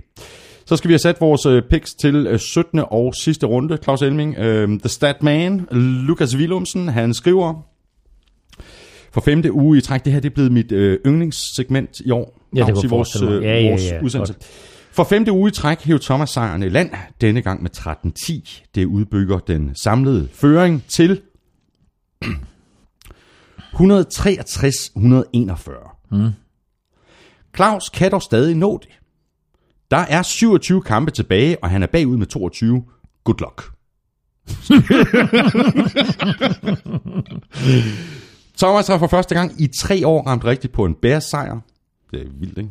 Og er fortsat ubesejret i Saints kampe denne sæson. Desuden lever Claus for tiden op til fordommene om, at han altid jinxer Giants de seneste syv gange, han har haft dem til at vinde i picks. Der har de tabt. En stime, der strækker sig til helt tilbage til sidste sæson. Stærkt. Det er rigtig stærkt. Skal vi, øh, skal vi se på det, Claus? Lad os gøre det. Giants, Redskins. Nu skal du passe på med det der Giants der. Jeg siger Redskins. Det gør jeg også. Patriots, Jets, Patriots. Patriots. Vikings, Bears, Vikings. Vikings. Lions, Packers. Jeg siger Lions. Så, så ringe kan det ikke, så ringe kan det ikke siger- to i træk. Ja, du siger Lions. Ja, jeg siger Lions. Jeg er faktisk i tvivl. Jeg siger også, øh, jeg siger også Lions. Um, Colts, Texans. Jeg siger Colts. Øh, jeg synes også, at jeg er lidt i tvivl om den her. Jamen, det er jeg også. Jeg, jeg siger også Coles. Uh, Steelers, Browns. Steelers. Ja, øh, jeg vil lige sige en enkelt ting her, og det er, at øh, selvfølgelig er Steelers kæmpe favoritter. Øh, Browns giver øh, odds 5 igen. Øh, 75 tror jeg faktisk, det er, hvis det ikke er mere. Lad os lige se her. Øh, 5-80 giver de igen. Mm-hmm. Øh, hold lige øje med den her kamp. Fordi hvis Steelers de melder ud, at Big Ben ikke spiller, mm. og at Le'Veon Bell ikke spiller, og så videre, Og Antonio Brown i forvejen er ude. og han er ude ved det, så tænk lige på, ja. at det her det er Browns sidste chance for at vinde kamp, og Browns og Steelers spillede fuldstændig lige op i spil u 1. Uh, så den er ikke helt umulig. Uh, det, der er vigtigt nu her, når man skal spille på den her uges kampe, det er, at man tænker på, hvem har noget på spil, hvem har ikke noget på spil, hvem spiller sine starter, hvem spiller ikke sine starter, hvem kan med fordel spare nogle spillere, etc. etc. Man kan altså være heldig at ramme nogle ret store odds, hvis man lige holder øje med de Og der du siger ting. det altså, Browns sejr 5-80. Browns sejr 5-80 over Steelers. Tjek søndag cirka kl. 18, når Steelers melder ud. Men hvis de nu piller alle mulige ud, så falder oddset også, ikke? Altså, man skal, man skal være hurtig, fordi ja. i det Ja. øjeblik, det kommer, så skal ja. Ja. man selvfølgelig... Men altså, odds plejer faktisk at forblive nogenlunde det samme, okay. Selvom, selvom de melder ud. Okay. Øh, men altså, melder de ud, at Ben Roethlisberger ikke spiller, så falder odds, det er klart. Ja. Men, øh, men, men, men, men tjek lige den kamp, der jeg har et, et bud senere også på, på en god overraskelse. Og hvem siger du? Du forsøger at tale dig udenom. Jeg siger Steelers. Du siger også Steelers. Eagles, Cowboys. Eagles. Jeg siger Cowboys. Interesting. Ja. Rams. Jeg vil lige sige, Cowboys er store favoritter. De giver altså 1,62 igen. Ja. Øh, eller, ikke store favoritter, men de er favoritter i hvert fald. De giver 1,62 igen. Eagles giver 2,45 igen, selvom de er på hjemmebane. Interessant. Øhm, så har vi Rams 49ers. Jeg siger Rams. Fort Niners giver 2,8 igen. Hvis du har ret i, og jeg har ikke fået det bekræftet, men hvis du har ret i, at Sean Du- McVay sparer Du har fået det bekræftet herfra. Jeg, jeg tror på dig. Jeg tror på dig. Øhm, hvis de sparer Goff, de sparer Gurley, og de sparer Aaron Donald, så synes jeg, man skal spille nogle penge på, at Fort Niners de vinder den Mm, Til kamp. 2-8. Der er 2,80 igen. Mm. Mm. Hvem tager du? Fort Niners. Du tager Fortnite. Mm. Okay, jeg tog Rams. Chargers, Raiders, Chargers. Chargers. Broncos, Chiefs. Chiefs. Jeg siger også Chiefs. Titans, Jaguars. Er det svært, ikke? Jo, det er den, men jeg tager Jaguars. Jeg tror også, at uh, Jaguars de går ud for at vinde den kamp, så ja. jeg siger også Jaguars. Ja. Bucks, Saints. Saints. Saints. Dolphins, Bills. Bills. Altså, Bills skal jo vinde den kamp. Øhm, og der er ikke, og der, der er nærmest ikke, altså det kan godt være, at alle i divisionen, de hader Patriots. Mm. Men Bills og Dolphins, de hader virkelig hinanden. Øh, alle Bills-fans, de hader de der pretty boys nede fra Florida. Så øh, jeg kunne godt forestille mig, at, øh, at øh, Dolphins, de, øh, de har lyst til at vinde den her kamp og afslutte på hjemmebane. Så jeg vælger faktisk at sige Dolphins. Interessant. Ja. Så vil Seahawks, Cardinals. Ja. Seahawks. Du siger Seahawks. De skal vinde den der kamp, hvis de Jeg ved skal det have for at komme med. Jeg ved det godt, men jeg tror simpelthen, at Cardinals de har tænkt sig at smide noget grus maskineriet. Så jeg jeg de siger Cardinals, og der er odds 4,20 på, Wow. at Cardinals de vinder den her kamp. Så øh, kan Cardinals vinde, eller kan Browns vinde, så har man to kampe, der til sammen giver over 20 i odds. Det er worth remembering. Ja. Bare ind på øh, danskespil.dk og så øh, smide lidt øh, mønt på de to kampe, der eventuelt øh, i kombination. Så mangler vi kun, øh, hvad mangler vi? To kampe. Øh, Claus, det er Falcons Panthers. En af weekendens absolut mest ja. interessante kampe. Ja. Falcons kan spille sig i slutspillet med en sejr. Panthers kan vinde NFC South, eller måske endda blive anden seed med en ja. sejr. ja. Hvad siger du? Jeg siger Falcons. Jeg siger Panthers. Sådan, så ved vi, hvordan den kamp den ender. Præcis. Og så har vi Ravens Bengals. Ravens. Ravens. Tak for det, Amy. I lige måde, Glædelig jul og godt nytår. og tak i lige måde. 2.34. Det var en kort fornøjelse. Det var en kort fornøjelse. og også øh, rigtig godt nytår til dig, der har lyttet med. Hvis du har spørgsmål eller kommentarer, så kan du gøre det på øh, Twitter og på mailsnablag.nflshow.dk. Kæmpe tak også til vores øh, gode venner og sponsorer for Tafel og Odds på Danske Spil. Støt dem, de støtter os. Og du kan også støtte os, og det kan du ved at skrive en anmeldelse i iTunes, og ved at støtte os på tier.dk, eller via det link, der ligger på nflshowet.dk. Tak for nu. Godt nytår. Vi høres ved i 2018. NFL-showet er produceret af Kvartrup Media, der også producerer den politiske podcast Born Unplugged, hvor jeg taler dansk politik med min fætter Henrik, og derudover så er der de to øh, fodboldpodcasts, Premier League-showet og Champions League-showet, hvor mit unge håb, Daniel Siglau, er vært. Elming og jeg er tilbage med mere fodbold på onsdag i næste uge. Ha' det godt så længe. Hot hot.